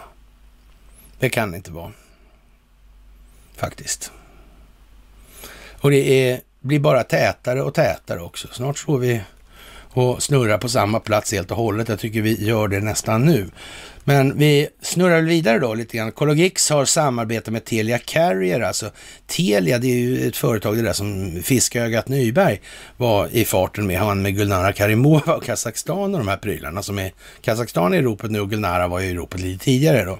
Och det var, han fick ju ingenting för det och det var naturligtvis ett målande exempel av hur svenska rättssystemet fungerar. Det var aldrig meningen att han skulle få någonting i det här heller, men han får tids nog det han ska ha.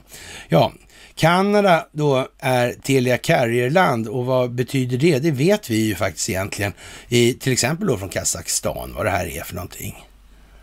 Det är ju liksom, och de svarar alltså då för 65 procent av den globala trafiken i trådarna då, då de här stora kablarna. Ja. Det kan man ju tänka sig spelar en roll. Och det sitter alltså ihop med det här LM Tell då. Det är Lars Magnus Eriksson och ja, Telia då, då. Som man gjorde ett bolag av för länge sedan, på 70-talet 60-talet kanske till och med.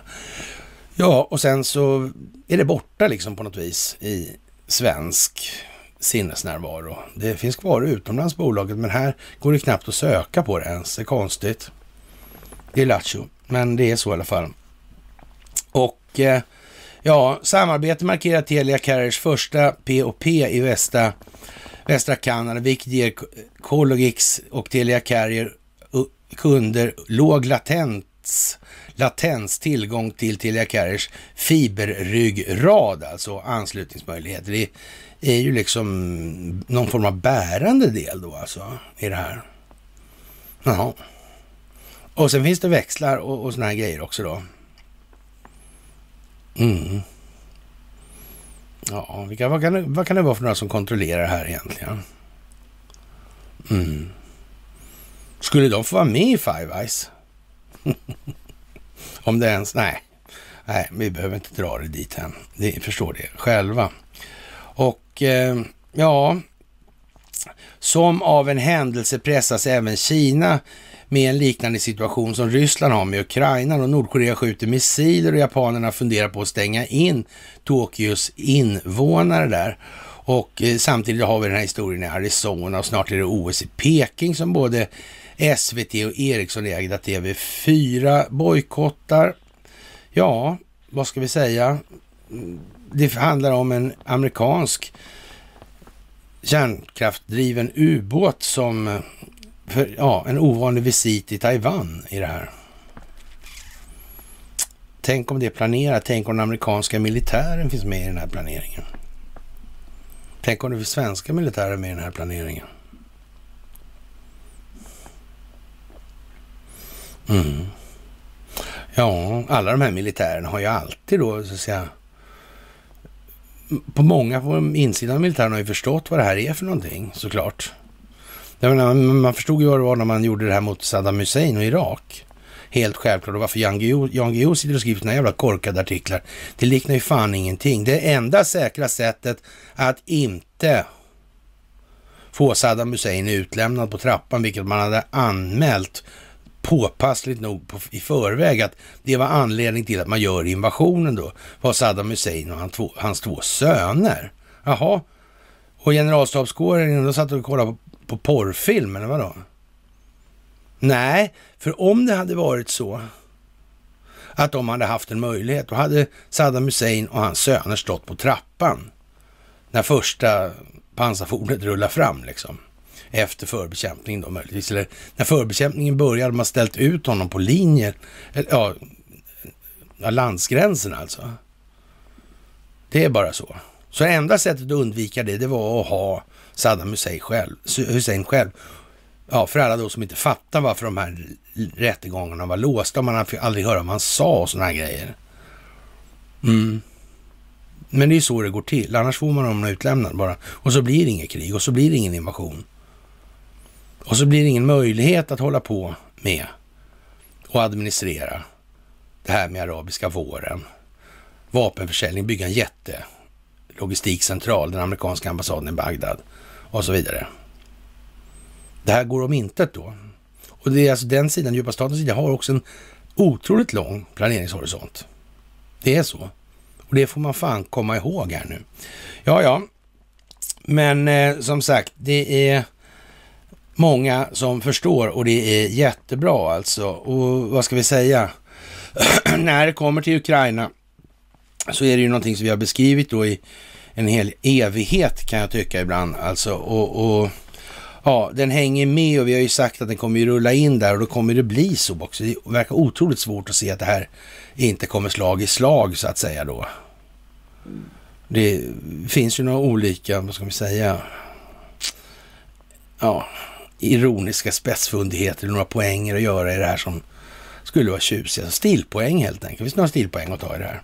Helt säkert. Jaha, och eh, vi har skrivit om det mycket och det är med Clinton och det är med eh, DNS och det är med Seth Rich och det är Barack Obama och det är Biden och det är allt möjligt här och, och, och så vidare. Men det är bättre om ni läser er till det och tar på sökrutan på bloggen i det här. Det finns precis hur mycket som helst alltså.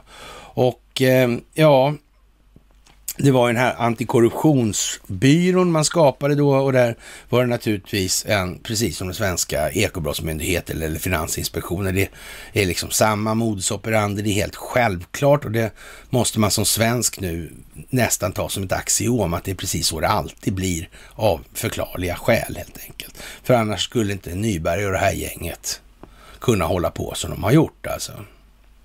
Nej. Och, och, eh, om det inte var så, så skulle inte SEC och amerikanska justitiedepartementet ha kontroll på Ericsson idag.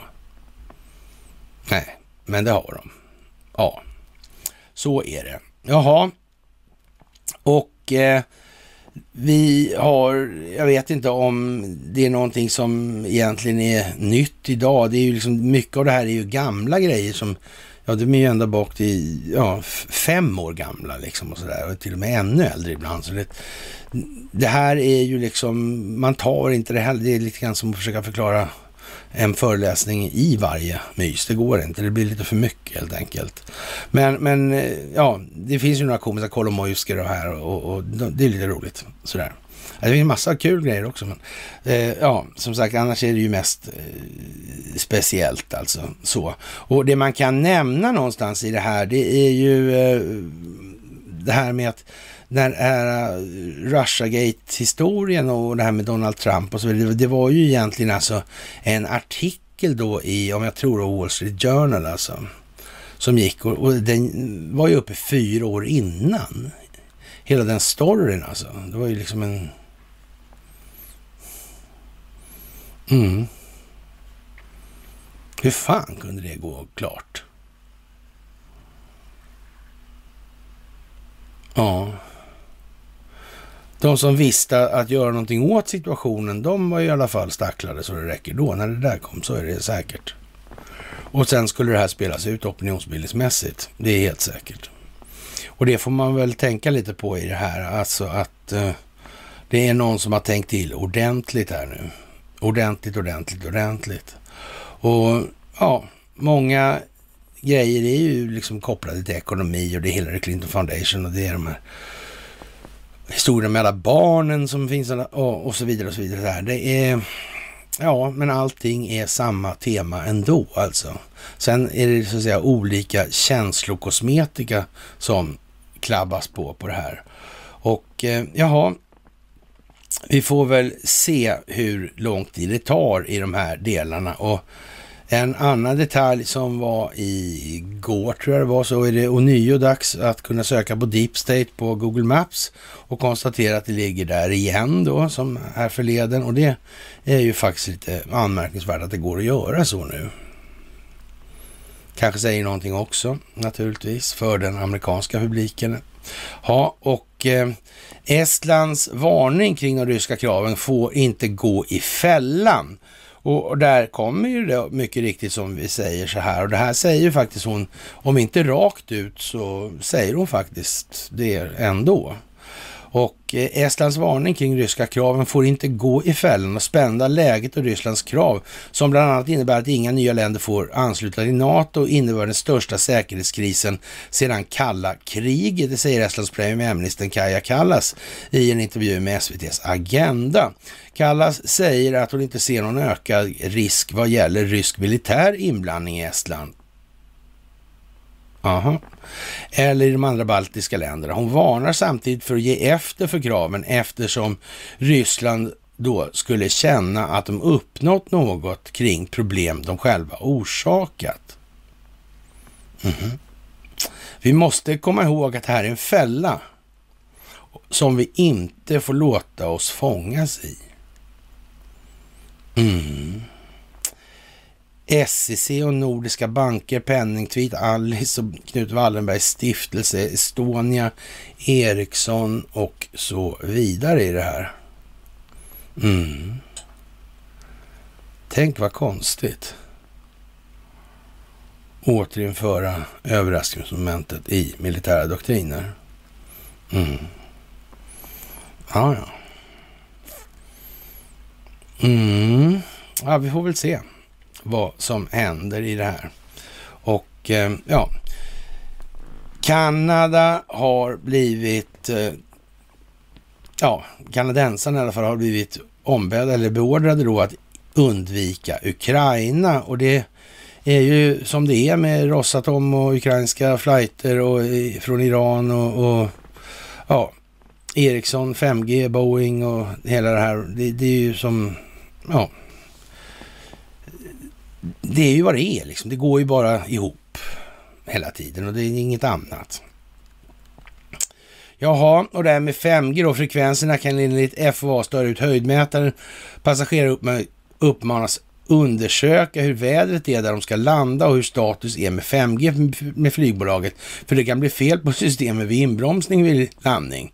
Och jag vet inte vad man ska säga så här att eh, det handlar om att driva opinion i USA där, där, frågan reser sig nu. Vem står bakom den här tekniken egentligen? Och det är ju lite grann som vi sa det här tidigare med Verizon och det här AT&T. Alltså det handlar ju om att exponera. Först, först sa man ju då att det var techjättarna och det här. Och, och sen kom man på att det går ju inte. Alltså det måste vara den här providern då, alltså internetprovidern, alltså, som är liksom någon form av... Men så kommer det ju fram då att nej, det är inte det heller. Det är inte Bahnhof liksom. Så de har inte så mycket med det där att göra på det viset egentligen. Det är någon annan som styr alltså. Sådär. Mm, ja, det är den här telekominfrastrukturen alltså, som är problemet i det här. På något vis. Alltså det är hårdvaran där och det går liksom inte för Bahnhof att ge sig ut i bland nätväx, nätet, så där, växlarna och det där. Det är ju, de är ju liksom en, de är ju en nivå ovanför eller under hur man nu väljer att se det. Ja, och eh, det här är ju naturligtvis en oerhört eh, speciell fråga att pedagogisk eller pedagogiskt implementera i människors förståelse då.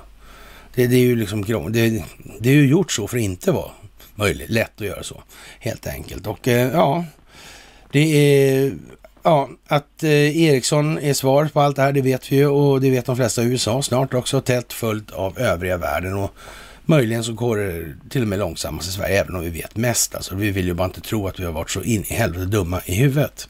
Så det är skamsigt, eller skämsigt helt enkelt. Ja, och eh, det är ju naturligtvis rätt så dramatiskt när det tar sådana här vändningar och eh, när man, Mike Lindell hävdar numera att de har tillräckligt med bevis för att stoppa in alla som har medverkat i det här fusket när det gäller amerikanska valet på Ja, de stoppa in dem på livstid, alltså i fängelse. Och det kan man ju säga, det låter ju länge. Det låter ju länge. Mm. Det känns som att det är någonting stort som står för dörren alltså. Och någonting som kanske är så jävla stort. Så hela jävla väggen kommer in alltså. I det här. Det räcker liksom inte med karmarna bara. Det tycks vara ett riktigt as till Åbäke. Som det ska tas ansvar för. Ja, det är ju lite lustigt. Men allting är frid och fröjd. Valmyndigheten är nöjd här i Sverige. Det är lovande helt enkelt. Vi kommer ihåg när det här var i ropet och Mike Pompeo sa så här då att eh, ja, kontrollera den globala telekominfrastrukturen är en kritisk del då för kommunistiska partiet Kina då för att dominera och manipulera framtiden alltså. Och eh, ja, utrikesdepartementet har Eh, så att säga, drivit och lett en global kampanj för att koppla bort då det kinesiska kommunistiska partiet från det här och deras då proxies som Huawei och eh, ZTE och så här från, från kritiska nätverk och eh, ja, de har vänt på det här sa man ju en gång i tiden här och det är ju liksom lite speciellt alltså. Ja. För något år sedan sådär. Mm. Men vi kommer ihåg det faktiskt, och det var lite speciellt alltså. Och vi kommer ihåg då att Ericsson är drivkraften bakom det här Network Society då. Ett, en världsledande kommunikationsteknik och tjänsten då i, för, ja, ja, till exempel eh, ja, eller vi ska säga så här istället, långsiktiga relationer med alla större telekomoperatörer i världen och det gör det möjligt för människor, företag och samlade att uppfylla sina möjligheter att skapa en mer hållbar framtid. Och det, ni, ja, ni har ju hört det här svamlet liksom så många gånger så det liknar ju fan ingenting snart tror jag. Och eh, ja, med 115 000 yrkesverksamma i 180 länder kombinerar global skala med ledarskap inom teknik och tjänster. Ja, vi stöder nätverk som ansluter mer än 2,5 miljarder abonnenter. 40 procent av världens mobila trafik och överförs via Ericssons nätverk. Och våra investeringar i forskning och utveckling säkerställer att våra lösningar och kunder står främst alltså. Ja, alltså antingen kan man ju läsa på hemsidan, Ericssons hemsida, och kan man ju inte det. Och antingen så är det ett gäng lögnhalsar och, som man nästlar sig in då i, det är det ju för sig alltså, men ja, kom igen nu här, det, det, det är inte läge liksom nu längre. Det blir som det blir här i den delen, det är ingen snack alltså. Ja, sötebrödsdagarna är förbi, rusta för sämre tider, historiskt höga elpriser, inflationsbrasa och boräntor som snart väntas stiga historiskt höga, hör man ju någonstans här bland emellanåt kanske. Ja, inflationsbrasa. Eh, det har strömmat in mer pengar i ekonomin och det har gjort att priset på el har gått upp. Alltså prishöjning är inflation alltså. Så det går inte att höja pris annars. Fördyrade omkostnader i produktionen till exempel. Det är inflation alltså. Nu måste faktiskt till och med en svensk snart kunna förstå att det är inte alls det. Det är inte alls det. Inflation, det är ökning av mängden betalningsmedel i det här. Det är ett inflöde som skapar det. Ja, det flödar in alltså. Inflöde. Varför håller man på med sån där? Ja, gissa två gånger. Därför att om människor förstod det här, då skulle det här systemet vara en kull för länge sedan. Jaha, och dåligt väder var det i natt, det blåste ordentligt och som sagt, den här stormen är över oss och vi kan konstatera att eh, Bifrost har väl varit lite i farten på någon natt här i Stockholm och, eller om det var kanske det speglas i Valkyriernas bröstharnesk eller hur så? Kanske, nej jag vet inte. Sådär. Mm. Det går dåligt för LKAB. De har otur. Vad har de det för? Konstigt det där med Kirunavaara och Luossavaara faktiskt där. Otroligt märkligt. Undrar vad som finns i alla de här gångarna numera. Det är ju lustigt. Man har inte fyllt dem med något väl?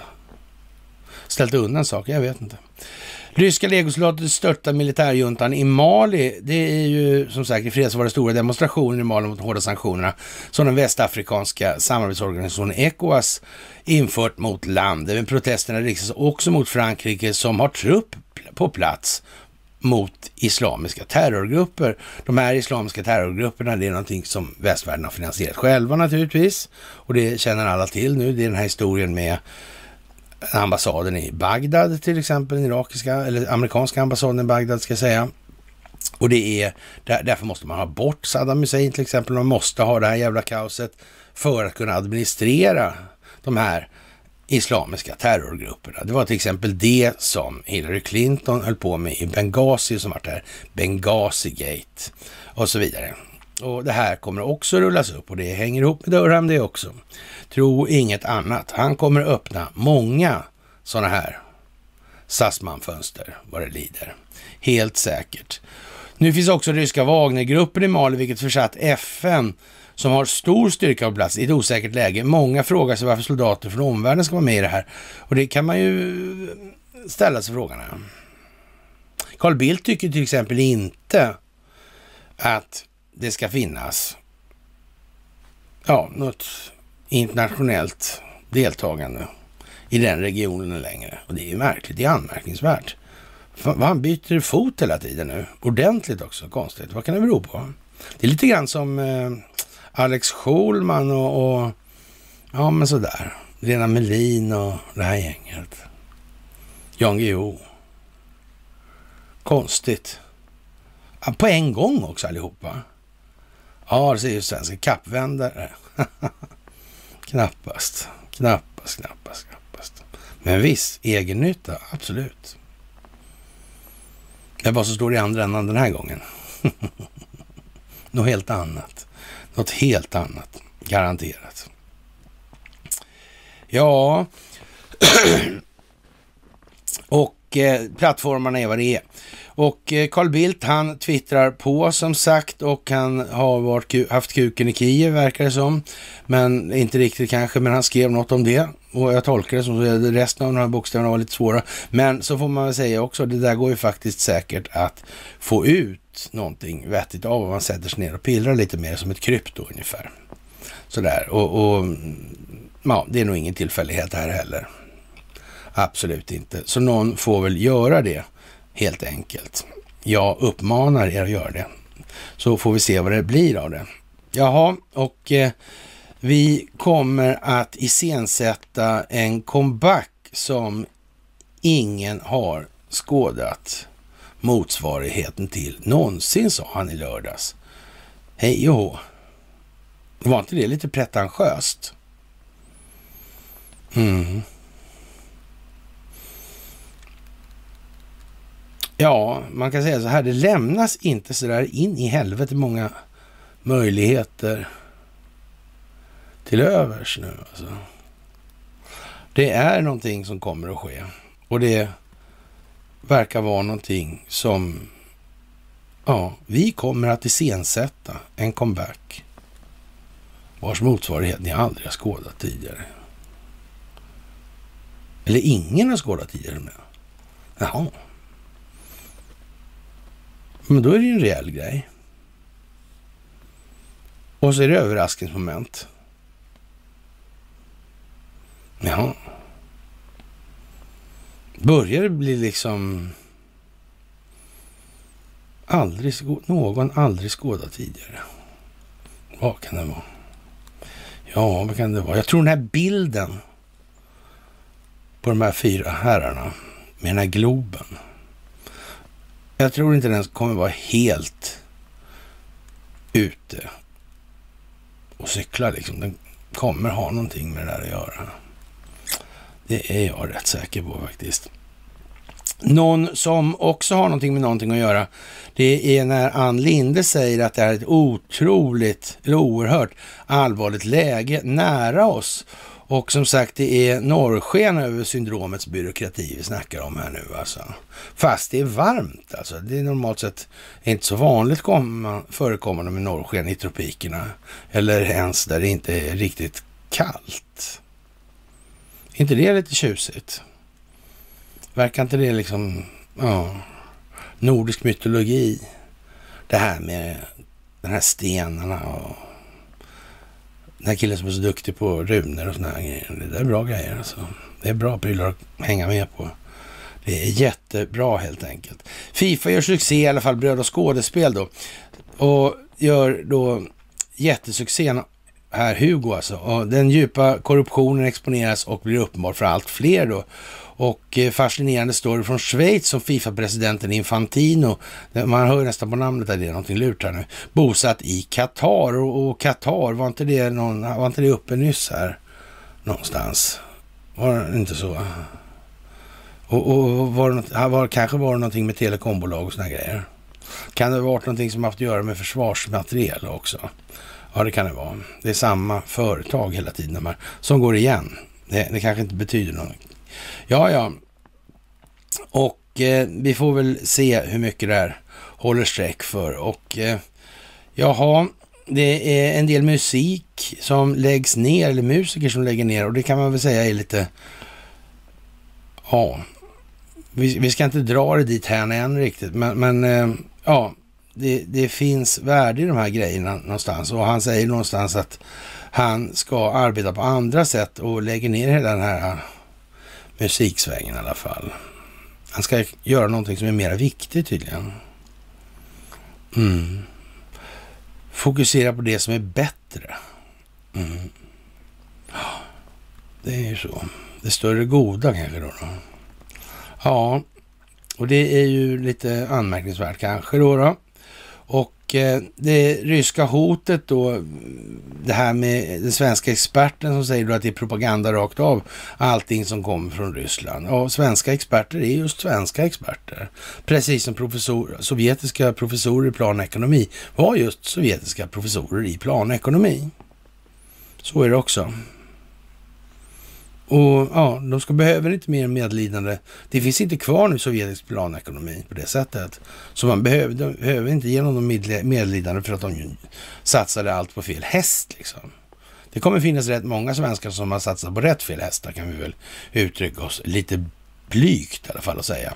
Jaha, bolagens vinster spås öka. Expert varnar för bakslag. Ja, vad ska vi säga? De här bolagen gör ju ingenting whatsoever. Det är ungefär som Cervenka sa i början. Det här är ju liksom inga, inga ekonomier som... Alltså det är byggt på någonting som inte är. På något enda sätt alltså. Det, det är ju inte ens tulpanlöksbusiness det här alltså. Det är helt hopplöst alltså. Ja, och eh, ja, skenande elpriser och skenande inflation hotar hushållens tjänster, tycker Samnytt som inte är några större ekonomiska experter, verkar det som då, eller experter, de, det kan man ju vara ändå faktiskt utan att kunna så mycket om det. Men, men det här med inflation, alltså elpriser, skenande elpriser och skenande inflation, jag höll på att säga inflammation.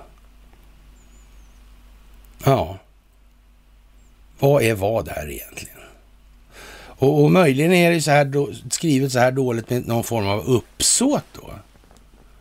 För att faktiskt folk ska tänka efter. Men vänta här nu. Har de inte gjort ett begrepp här nu för, för att förvirra egentligen? För att kunna på något sy ihop det andra lite mer i vart fall. Kan det vara så att hela den grejen här med Keynes och så här, har faktiskt en rätt så påtaglig brist i att man inte tar hänsyn till vad den inneboende naturen och karaktären av betalningsmedel för med sig. kan det vara så, så, att man har gjort det här med flit därför att det är, är liksom, ja, jag vet inte. Vi får väl se helt enkelt. Vi får väl se. Jaha. Ja, strängare krav på covidpass från flera håll då och det är ju lite sådär, det måste ju gå åt det hållet också naturligtvis. Det kommer att bli exakt så dyrt att tanka bilen som det behövs för att människor ska välja att försöka göra någonting åt situationen. Det kommer att behövas precis så många ja, stick i axeln, eller vad jag kallar det för. Eller armen. Som det behövs för att folk till slut ska fatta vad det här egentligen är för någonting. Så är det också. Och så vidare i all oändlighet. Ja, det rullar in en isande en gråkall vind och det börjar skvalpa lite då ute till sjöss. Och ja, vad ska vi säga? Det, eh, en gång, ingen gång och två gånger är ju en gånggång då, då. Och som sagt, det här med att man kan googla eller söka på Deep State på Google Maps och hamna på Arsenalsgatan 8C alltså. Ja, det känns ju inte som att det är Investor som har kontrollen på det om man säger som så. Alltså. Ursäkta, men faktiskt inte alltså. Nej, jaha, och eh, den här Ann Linde vill stilla svensk oro. Vi är inte under hot, men kan inte utesluta att vi blir det. Det är ju naturligtvis en gränsdragning här. Vad kommer att hända? Det kommer inte hända något med Ryssland i den delen i alla fall. När det gäller det här, ja, någon militär eller motsvarande då. Om det var den här Claesson som uttrycker att vi kommer försvara oss med våld, alltså om det blir. Men eh, det, det, det, då måste man ju ändå ha en motpart att bedriva det här våldet emot och vem kan det möjligen vara då? då? Och, och, och samtidigt som Donald Trump ut, utlovade överraskningar. Och Vladimir Putin, han kör in landstigningsbåtar och så kör han ut dem igen också för säkerhets skull.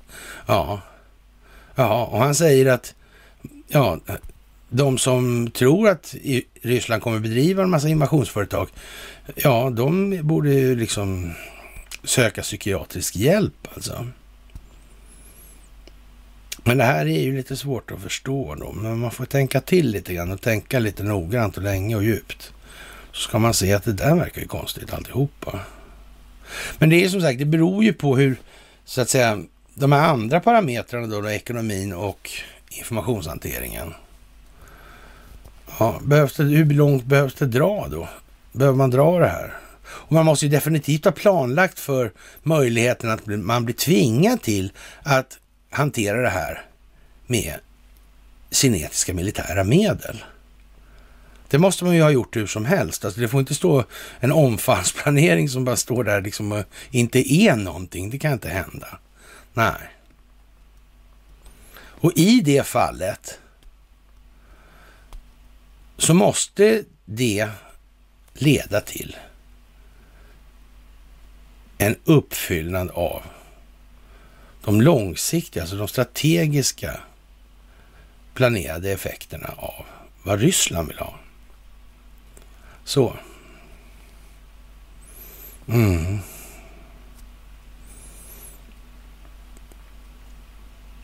Det är de som är motparten i det här. Mm.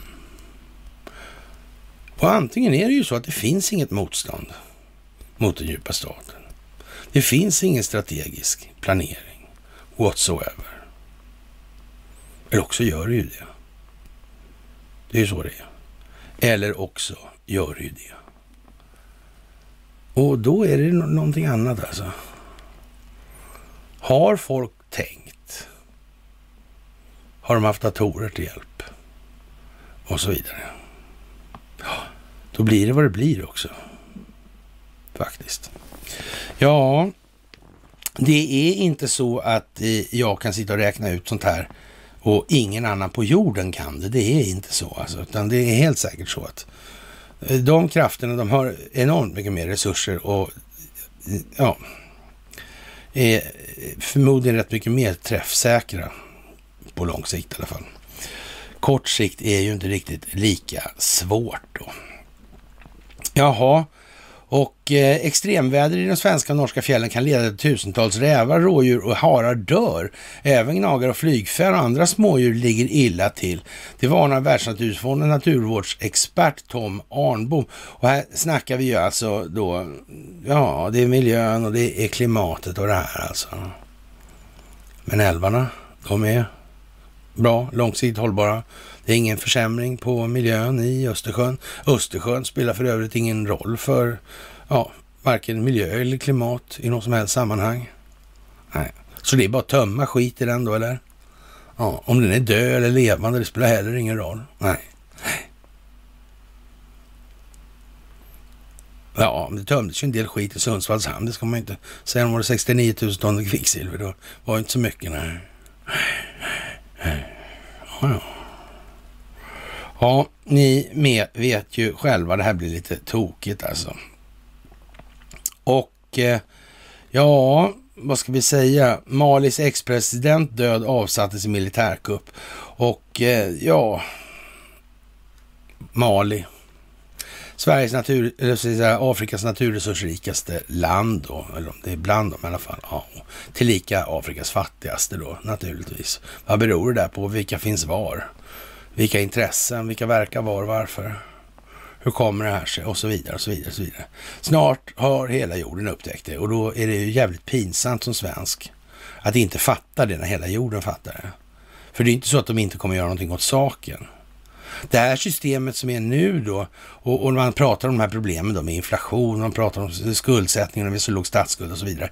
Men, men det är också så här när det gäller det här, vi har ju exporterat oss rika i den meningen, inte vi då, men de bolagen i alla fall i det här. Och man har kunnat, kunnat hålla igång det här eh, rimligt länge. Sen är privatskuldsättningen oerhört hög då, så det blir ytterligare boja och det tvingar ju fram då att människor måste jobba då och får till, till slut ta vilka jobb som helst för att inte tappa sina förmögenheter som består av skulder. Mm, det är ju liksom, alltså svensken föll på sitt eget grepp då. Den, ja, snålheten bedrog vis, visdomen helt enkelt. Det var så. Det var. Och det blev. Eller som Torsten Nordin sa, det svenska folket, befolkningen är dömd att upptäcka att dess välstånd offras på den falska solidaritetens altare. För de menade ju inte ens det. Befolkningen menar ju aldrig att vara något solidariskt. De gjorde det här för sin egen skull i en så stor utsträckning att det här kunde fortgå så länge som det gjorde. Det är ju inte konstigare än så alltså. Ja, ja. Men ni är välbekanta med det här caset vill jag påstå. Ja, Jenny Norberg, hon eh, sitter ju lite där hon sitter alltså i, i de här sammanhangen. Och henne har haft rätt mycket kontakt med också genom åren sådär. Och eh, ja, det blir ett enormt pris om eh, Ryssland skulle invadera Ukraina. Betydande signifikant och verkligt kraftfullt alltså. Och ja, det här är ju lite speciellt. USAs chefsförhandlare använde alla varningsorden i början av veckan när kalla kriget senare utspelade sig i Genève. Rader av bord på varsin sida av rummet, flaggor i mitten. Här skulle ett slags diplomatiskt sällskapsspel utföras. Det kallas för samtal och början på dialog. Alltså. Och Eh, från USAs sida var det uttalade syftet att undvika krig och från Rysslands sida kom lite mer vidlyftiga krav på att NATO måste lova att inte komma närmare och inte göra fler östländer till medlemmar.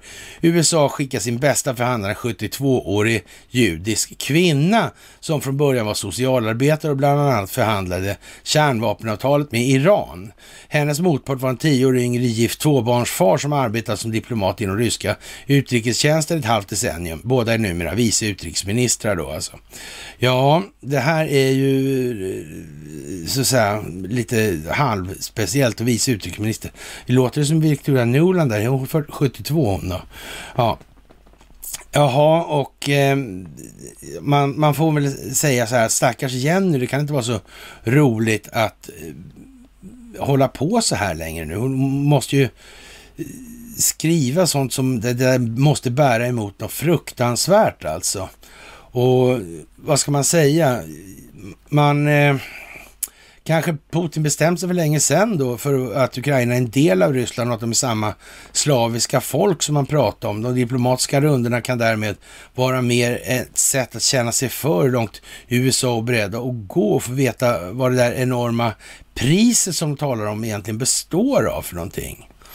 Ja, alltså om man, man, säger så här, man håller sig på Jennys intellektuella plan i den här resonemangen kan man ju säga så här, då får man ju verkligen hoppas för hennes skull då att inte det försiggår något samarbete som mellan olika länders eh, medborgare då som i en eller annan omfattning och mån försöker motverka den djupa statens existens och fortlevnad.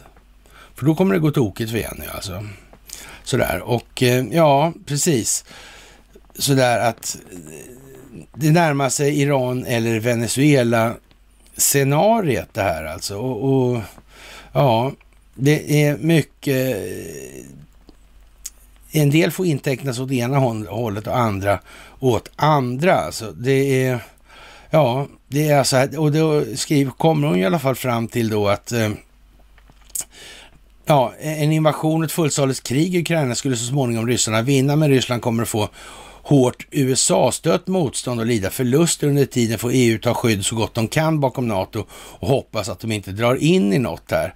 Dras in i något här. Det vill säga samma NATO som den förra amerikanska presidenten tyckte var värdelöst och helt enkelt ville droppa och, och, samma NATO som EU nyss trodde sig ha en svag idé om att stå mer självständigt ifrån alltså.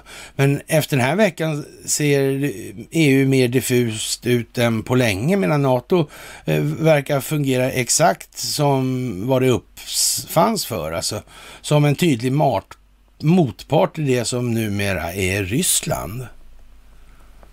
Ja, men alltså de säger ju rakt ut och vad kan lösningen vara på det här tro? Vad kan lösningen vara på Rysslands problem? Liksom?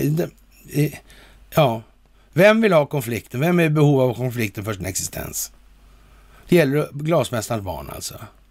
Återigen, samma sak. Samma modus operandi, ett standardförfarande, varken mer eller mindre alltså. Ja, det är jättekonstigt att de st ställer upp på det här, men eh, ja, ju mer han hotar och eventuellt också invaderar, desto fler länder börjar fundera över sin egen situation och hur de egentligen ska skydda sig mot Ryssland. Och det är ju sant i så fall.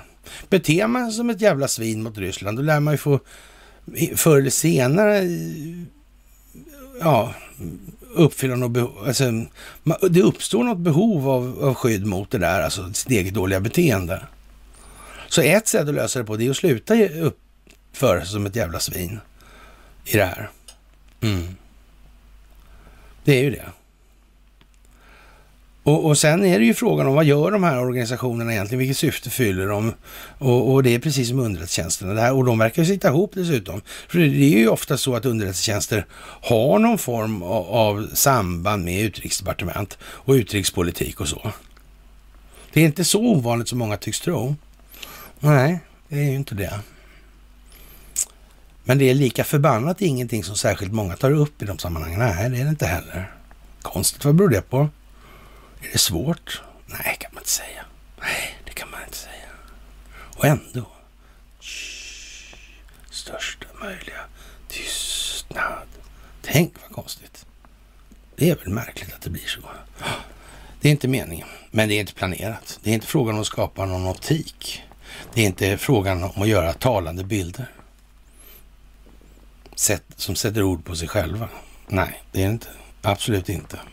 Jaha, som sagt, Estland får inte gå i fällan också. Och eh, alla bevis pekar mot Ryssland, säger man då från Ukrainas sida å ena sidan i SVT och i RT säger Ukraina att det, det, Ryssland är inte alls ansvariga för den här cyberattacken då.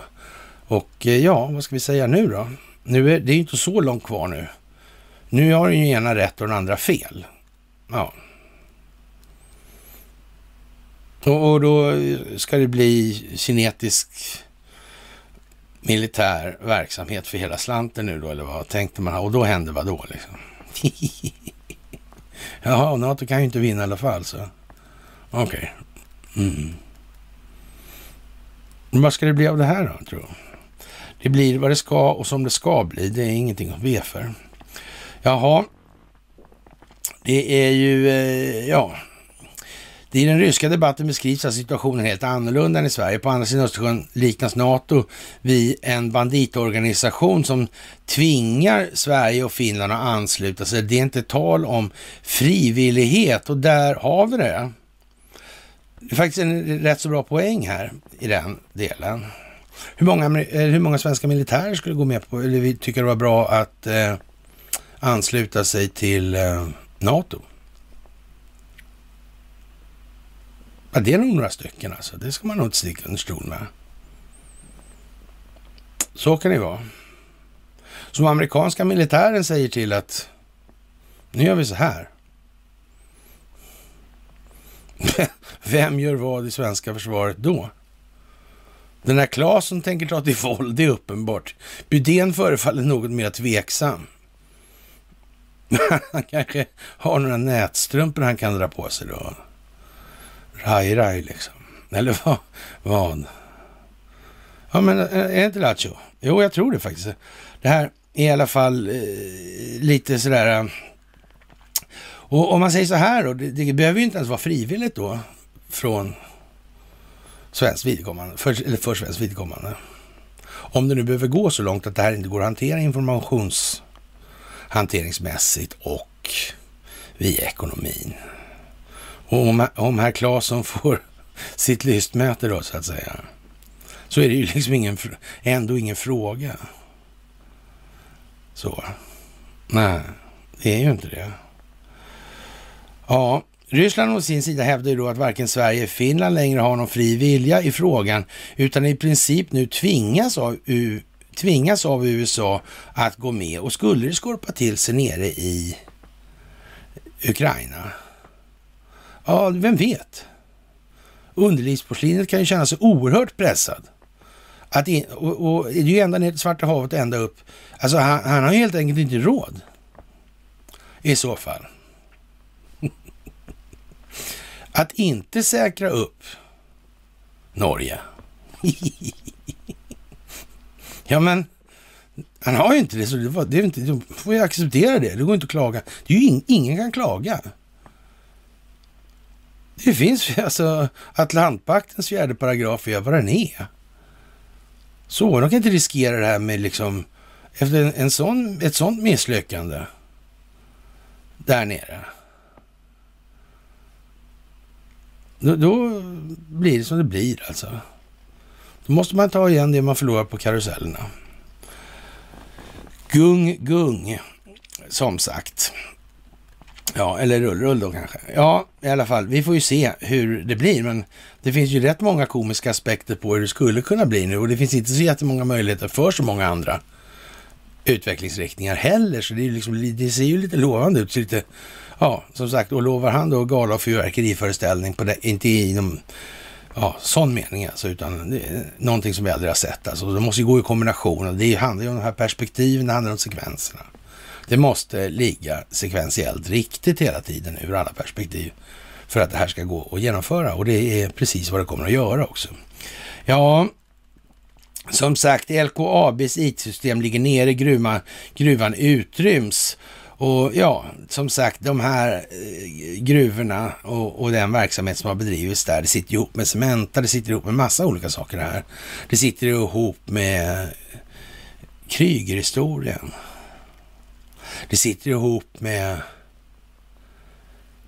frikyrkorörelsen. Det byggdes hela samhällen i de här sammanhangen. Hur fungerar de där samhällena socialt?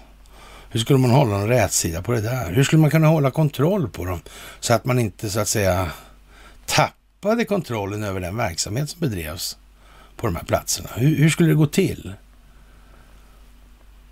Vilket modus operandi använder man? Och så vidare. Vilka psykosociala avarter frodades i de kulturerna som uppstod på de orterna? Det kan man tänka på idag. Brukssamhällena. Fanns det några baksidor? med allting bra? Det var Lotta på Bråkmakargatan alltihopa. Eller så. Jaha. Anna Dahlberg, Socialdemokraterna hycklar om både NATO och kärnkraften och vad ska man säga om det där? Det är väl liksom inte mycket att göra åt det här med den här Anna Dahlberg som håller på. Alltså, ja. Vad, vad har partipolitik med det här att göra nu då?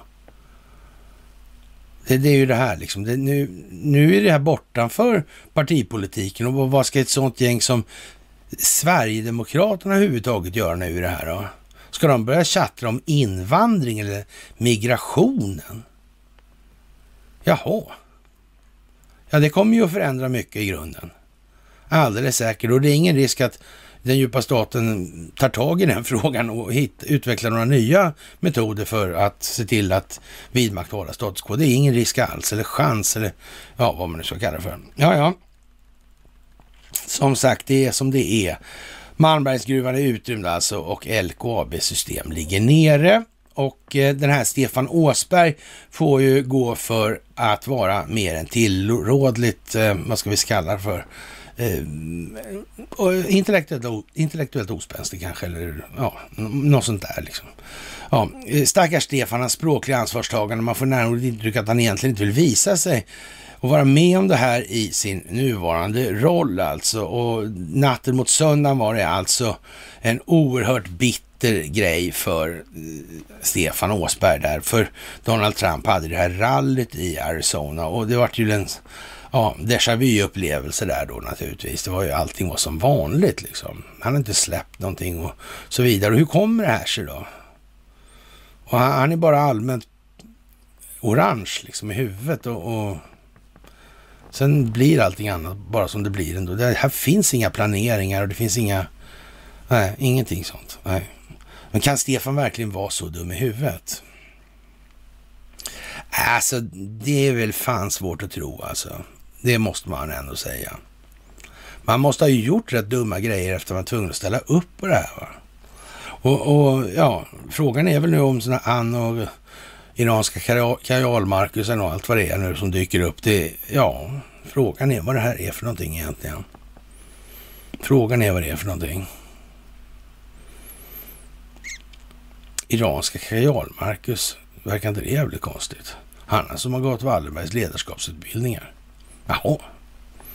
Mm -mm. Va, Iran har väl ingenting med Wallenberg att göra? Mm.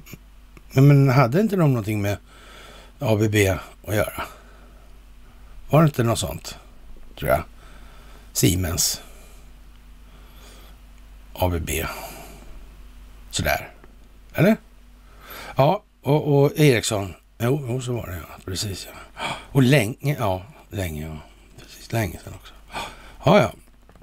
Ghislaine Maxwell kommer inte längre kämpa för att ja, hålla näbben stängd i de här sammanhangen. Hon kommer så att säga säga som det är, säger de nu här. Och det, det kan man väl säga.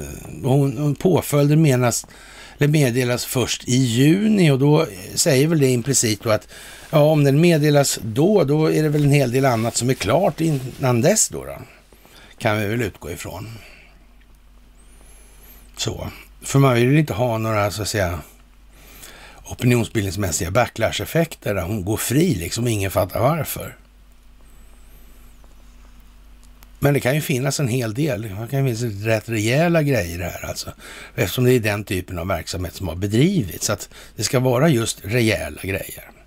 Det kan man ju faktiskt tänka på här och nu. Så det kan mycket väl vara så att det där blir ingenting för hennes vidkommande faktiskt. Och ja, har hennes pappa gjort sitt jobb under den tiden, de gångna åren, ja då kan det ju bli riktigt mycket. Det ska man ha klart för sig alltså. Det kan bli riktigt, riktigt mycket. Och att inte han skulle ha på Hambro och det här gänget som har finansierat honom. Givetvis inte. Kanske inte just i den, den bagen liksom med ja, sex grejer hit och dit. Men nog, ja, han visste nog att skydda sig själv om han blev rätt gammal ändå, alltså innan han drunknade. Så han visste nog att skydda sig själv sådär. Men sen fick det räcka. Jaha, Och det är ju som det är då. Och eh, en del eh, sådana här, eh, vad ska vi säga, gökar då eh, i journalistsvängen. De, jag vet inte egentligen hur, hur jävla dålig kan man vara liksom. Den Bert Sundström till exempel. Ja, det, det, det är liksom helt otroligt alltså. Det, det, man, man, talar om då liksom hur den här militära strategiska planeringen ser ut och man, ja, ja. Fast det känns inte som Bert Sundström är en sån där jättehejare på det där. Faktiskt, inte alls nogräknat. Men, men det kan ju vara fel uppfattat för den sakens skull. Jaha, och eh, vad ska vi säga, överord och domedagsscenarier ska inte brukas, men även lättvindiga underdrifter och förminskningar kan skada den nödvändiga förståelsen av verkligheten. På författaren Lars Gustafsson odödliga, odödliga prosa kallas det problemformuleringsprivilegiet. Ni känner igen det i vårt fall. brukar vi benämna det, alltså problemformuleringsinitiativet eftersom vi vet att halva gänget lever i lögn alltså. Sådär, och, och tänker vidmakthålla den här lögnen. Så det gäller för dem att ha det initiativet. För annars kommer det här gå tokigt. Hej vad det går alltså. Och man kan ju skriva om det lite som Tove Livendal gör här. Och makten över tanken som kommer genom språket. Ja, det är vad det är det. Och, eh, och språket, det finns ju inte så mycket utan ord alltså. Så det, det, man kan ju bryta ner det också till, till, ord om man vill. Så är man säker på att det inte blir något missförstånd alltså. Det, Tove är ju trevlig annars och, och konversera med på nätet och sådär. Och skicka mest till och sådana här grejer. Det är ju roligt och sådär. Men om ekonomin är hon inte så intresserad av. Det är hennes gubbe som är intresserad av det. Eh, eh, ja, och så. Men hon vill inte förmedla några frågor. Kan jag meddela. Det var ju många, många år sedan jag konstaterade den saken. Ja, ja i alla fall. Och eh, den som äger beskrivningen av läget kommer sannolikt även att betros med att inneha svaren på frågorna. Ja, det är ju lite som det är här och nu. När det här finns i Svenska Dagbladet, då är det någonting som är helt annorlunda. Den enda instans som för fram de här grejerna överhuvudtaget under åren. Det, är inte några politiska partier och det är inga alternativ. Ja, det, det, det, är ett eh, gäng då som, vi är nu rätt många, alltså, som har förstått det här och ni flinar ju glatt och naturligtvis och skrev spydiga kommentarer då och, och det är ju kul faktiskt. Och ja, Precis, det är som det är nu. Frågan om språkbruk är också andra makthavares ansvar. Journalister och polit politiken utgör i det publika, sam publika samtalet varandras speglar och det krävs en del ansträngning av det förra för att inte låta sig duperas av det senare. I det hänseendet krävs lika mycket vaksamhet inför aldrig så sympatiska kommunstyrelseordförande och statsråd som inför ryska presidenter. Och nu är det ju återigen så att det blir ju liksom inte full malla rakt in i, i, i det här i kaklet då, utan det, det får ju tas med lite steg helt enkelt. Man får ju ta, få folk med sig helt enkelt, bland de här nu som inte är så där jävla entusiastiska för den verksamhet som vi bedriver tillsammans. Det, det ska man också tänka på här. Det här måste tas med delar och vi måste ju ha liksom en tempoanpassning i det här hela tiden. Och det har, och mäter vi ju hela tiden och vi lägger de här delningarna, även om det låter tjata om samma sak, så finns ju en tanke bakom att göra så här för att visa hur det här sitter ihop då, både ur parallellperspektiv och sekventiellt då, så att säga, parallellt och sekventiellt där då, för att kunna då korstabulera och se, ja, det sitter ihop så där och så där, bildar det där mönstret och så kan man ju faktiskt dra ut det här och se att det blir en synergieffekt där borta också här, såklart. Ja. Och så vidare. Och språket är alltså ingen ovidkommande del i det här. Inte alls. Inte alls. Jaha, och det är bra att känna till det här, hur långt vi har kommit. Och det är ett tecken samtidigt så vi kommer fram till då att det visar sig då att det här håller ju inte riktigt streck när man eh, Ryssland har ingenting med någon militär aspekt att göra på situationen i Sverige, utan det är någonting annat som har det. Alltså när de ryska landstigningsbåtarna som skulle ta Gotland då lämnar Östersjön, då ökar så säga, intensiteten gör det ju inte, men dunklet i skymningsläget skulle man kunna säga. Det blir lite mer osäkert allting tydligen. Ja, då kan man ju inte skylla på Ryssland om de åker härifrån. Det går ju inte. Det kommer man inte kunna göra med någon trovärdighet. Men ändå skriver man en sån här idiotisk artikel. Det verkar precis som man har på känn någonstans i det här. Faktiskt. Tänk att han tog upp det här med Arizona som vi sa så länge, länge, länge sedan. Alltså ingen annan har sagt det, så vi det måste komma den där alltså. Vi tror på BB39. En jävla bra slagskepp det där förresten. ja, ser hur det kan löna sig att tycka om sådana saker. Ja. Ja, ja, Sverige har också använt sig av falska flaggor, säger då alltså Carl Bildt då. Och det, han vet ju vad han pratar om i det här och det, det är ju lite speciellt. Det får man ju säga ändå alltså. Och, och som sagt, det här med falska flaggor. Det är väl ändå döden för överraskningsmomentet. Är det inte det? Är inte det exakt det motsatta?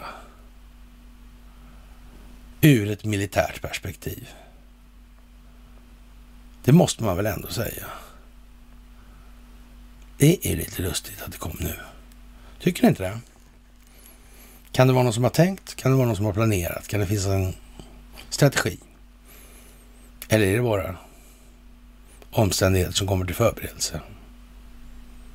Mm, det är ju det. Det är ju det. Det är tur.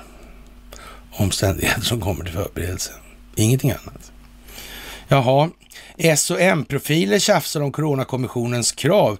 Skandal under uppsegling och ja, som sagt, den här historien med den här Coronakommissionens roll och det här med då regeringskansliet och eh, ja, vad ska vi säga? Det är ju lite eh, eljest då när man så att säga privata eller tjänstemännens privata anteckningar.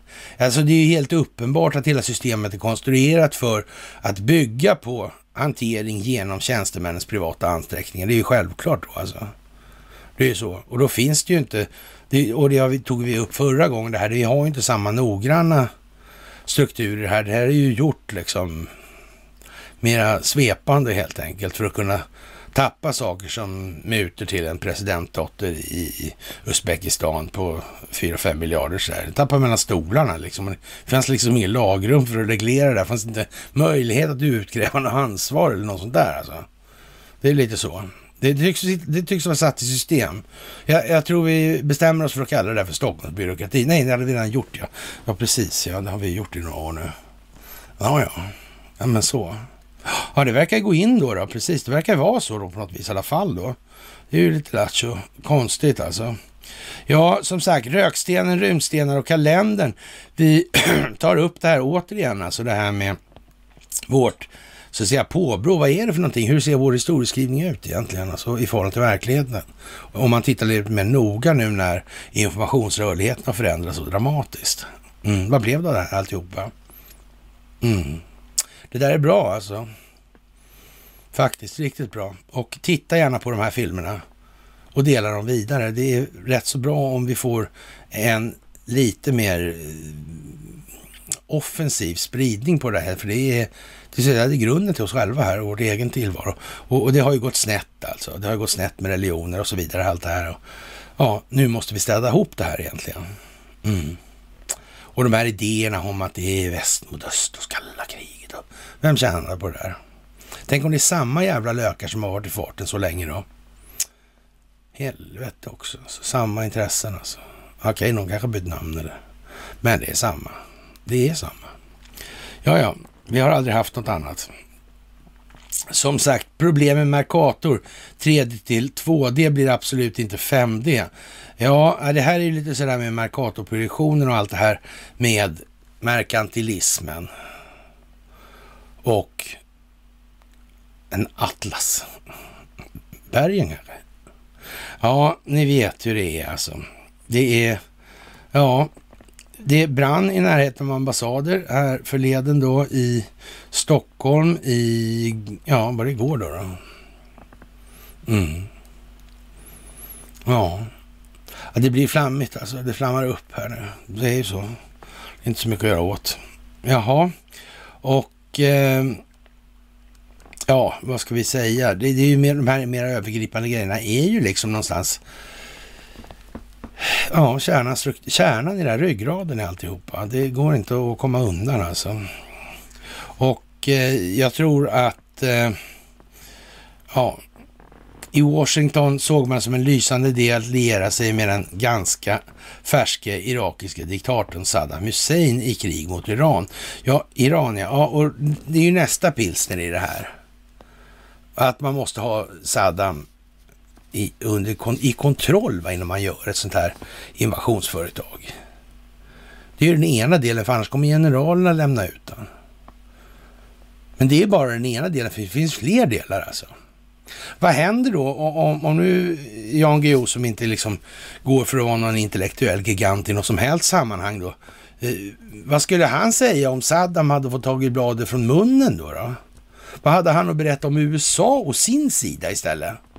Vilka affärer var då när man lierade sådär? Vad, vad hände då egentligen? Hur hade det kunnat påverka den geopolitiska utvecklingssituationen? Kanske det var någonting som absolut inte fick hända. Jag menar, man får nästan intrycket av det här med massförstörelsevapen och så sitter Colin Powell där med sarin i en liten glasburk så här och vi är inne i kongressen också. Nej men hejsan. Jaha. Och, och ingen, ingen reagerar ens på den tiden. Över det. Alla bara... Oh, oh, Oh, tänk om den läcker. Ja. ja, ja, så kan det ju vara. Eller inte alls kan det vara så. Jaha, och eh, ja, vad ska man säga? Det var en tidsfråga. Ökad, överdödlig, ökad dödlighet bland ovaccinerade sammanfaller med påbörjad vaccination i respektive åldersgrupp. Ja, äh, vi taggar ner det där nu med, med covidiotin egentligen. Alltså det, det, det blir vad det blir och det är inte det där, det där är bara en liten detalj. Det är en liten farkost, ett verktyg. Det är precis som med religioner och med sånt där också, annat också. Det är, ja, som det är kort sagt.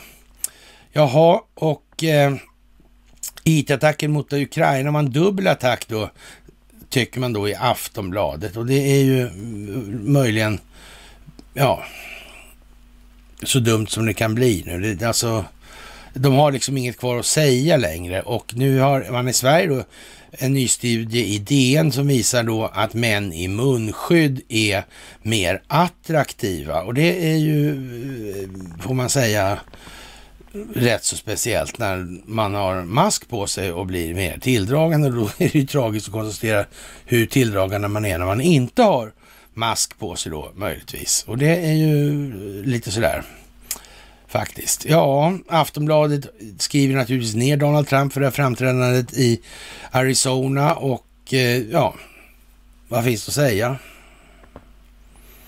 Amerikanerna har ju ingenting att vara stolta över eftersom man lät det, låtit det hända som, eller eftersom man lät det hända som hände i det här. Och, och, nu har man tagit sig samman och försöker resa sig upp och det är ju väl så alltså. Ja. Och, och så måste alla andra befolkningar också göra på den här planeten. Ja, och som sagt, Novak Djokovic han har alltså diplomatpass och det här kommer att eskalera ännu mer nu för han åker hem, han är utvisad. Ja, och vad har det sikte på? Jo, det har naturligtvis sikte på det brittiska samväldet. Så. Australien är kritiskt beroende av Kina. Kina är strategiskt allierad till Ryssland. Ryssland är partner med Serbien. Mm. Som dessutom försåg Djokovic med diplomatpass. Och så mycket kan man ju säga. Att dummare är inte Australien, australiensarna än att de håller reda på de här diplomaterna i diplomatkåren. Se där ja, de visste att han hade diplomatpass. Praktiskt kan man ju säga då. Jaha, Och eh, ja, resten av världen kommer att få uppleva konsekvenserna av den här situationen. Och det kommer att märkas under överskådlig tid, vad det för med sig. Så är det också. Ryska aluminiumjätten då, det är i Calcutta, det vill säga i Sundsvall, som det är dags igen då. Ryska aluminiumjätten lånade ut pengar till sig själv och fick tillbaka 250 miljoner på skatten. Det är alltså nu är julen över, men det rullar lite lutar och minsann kommer här inte ett snurrande med ränta från Nordens Calcutta. Alltså det är en räntesnurra helt enkelt alltså. Och det kan ju vara värt att titta på vad det är för någonting faktiskt. Och ja, man lånar ut sina egna pengar till sig själv till en högre ränta i alla fall, så får man ett högre skatteavdrag. Sådär. Och det är ju ett praktiskt sätt att göra det på. Och inte olagligt i Sverige. Av någon konstig anledning. Andra länder har kritiserat Sverige väldigt mycket för det här, att det är möjligt. Men det tycks vara ändå lite gå trögt för svenska lagstiftare att komma till rätta med den här problematiken. Det är märkligt, är det inte det? Jag kan tycka det. Eller det tycker jag inte alls det. Jaha, det är ju som vanligt försvarsministern, vi måste utgå ifrån våra egna intressen, tycker han då i det här. Och det kan man ju säga. Han, han är ju lite sådär eh, speciell på det, Hultqvist, Hultqvisten. Alltså han, han har nog fan en rätt bra talskrivare alltså. Han vet var han ska sätta kommatecknen, kommatecknen och, och så vidare här alltså. Ja, han är duktig på att uttrycka sig på det viset. Om det låter... Mm. Han är aversionsskapande skulle man kunna säga. Om man vill vara vänlig och det bör man vara. Jaha. Nej, det är faktiskt som det är. När det gäller då den här Pundar-Matti då så tycker han numera att eh, Sellberg där, så tycker han det kan behövas fem doser och jag vet inte, det blir bara runt, runt, runt här nu va. Och frågan är hur många sprutor det ska bli egentligen innan det händer något, eller folk vaknar och reser sig upp och, och tycker att nej, fan heller, nu är jag inte med på det här längre, jag samverkar inte med den här skiten längre. Nej. Ja. Hur lång tid ska det behöva ta? Hur mycket ska dieseln kosta? Hur dyr ska kilowattimmen vara? Hur mycket restriktioner ska det kunna vara? Eller bli? Behöva bli? Det är samma sak hela tiden. Hur lurad ska befolkningen behöva bli av politikerna? Hur många dåliga exempel ska det behöva publiceras innan? Eller skiter de i allt? Är de bara säckar med yoghurt som flyter omkring? Ja, vi får se om det blir någon resning i den här befolkningen faktiskt. Som sagt, ja, Carl Bildt och falska flaggor får vi nog se som en, ja, en vägmarkering i alla fall. Temperaturmätare, vad det är frågan om i samband med det här. Och eh, ja, vad man ska säga, när falska flaggan kom in i bilden så kan man säga att överraskningsmomentet i, no, på no, i någon mån försvann ut genom det här. Alltså då alltså blev man utsatt för den där historien. Och då var det inte, det var ju den egna militären satt ju på ja, skitholken och läste porrtidningar liksom. Mm. Så de var inte insvurna i den så, i någon större utsträckning i vart fall. Eller i någon avgörande, jo i avgörande utsträckning också naturligtvis, men inte i någon stor utsträckning då. Så kan vi säga.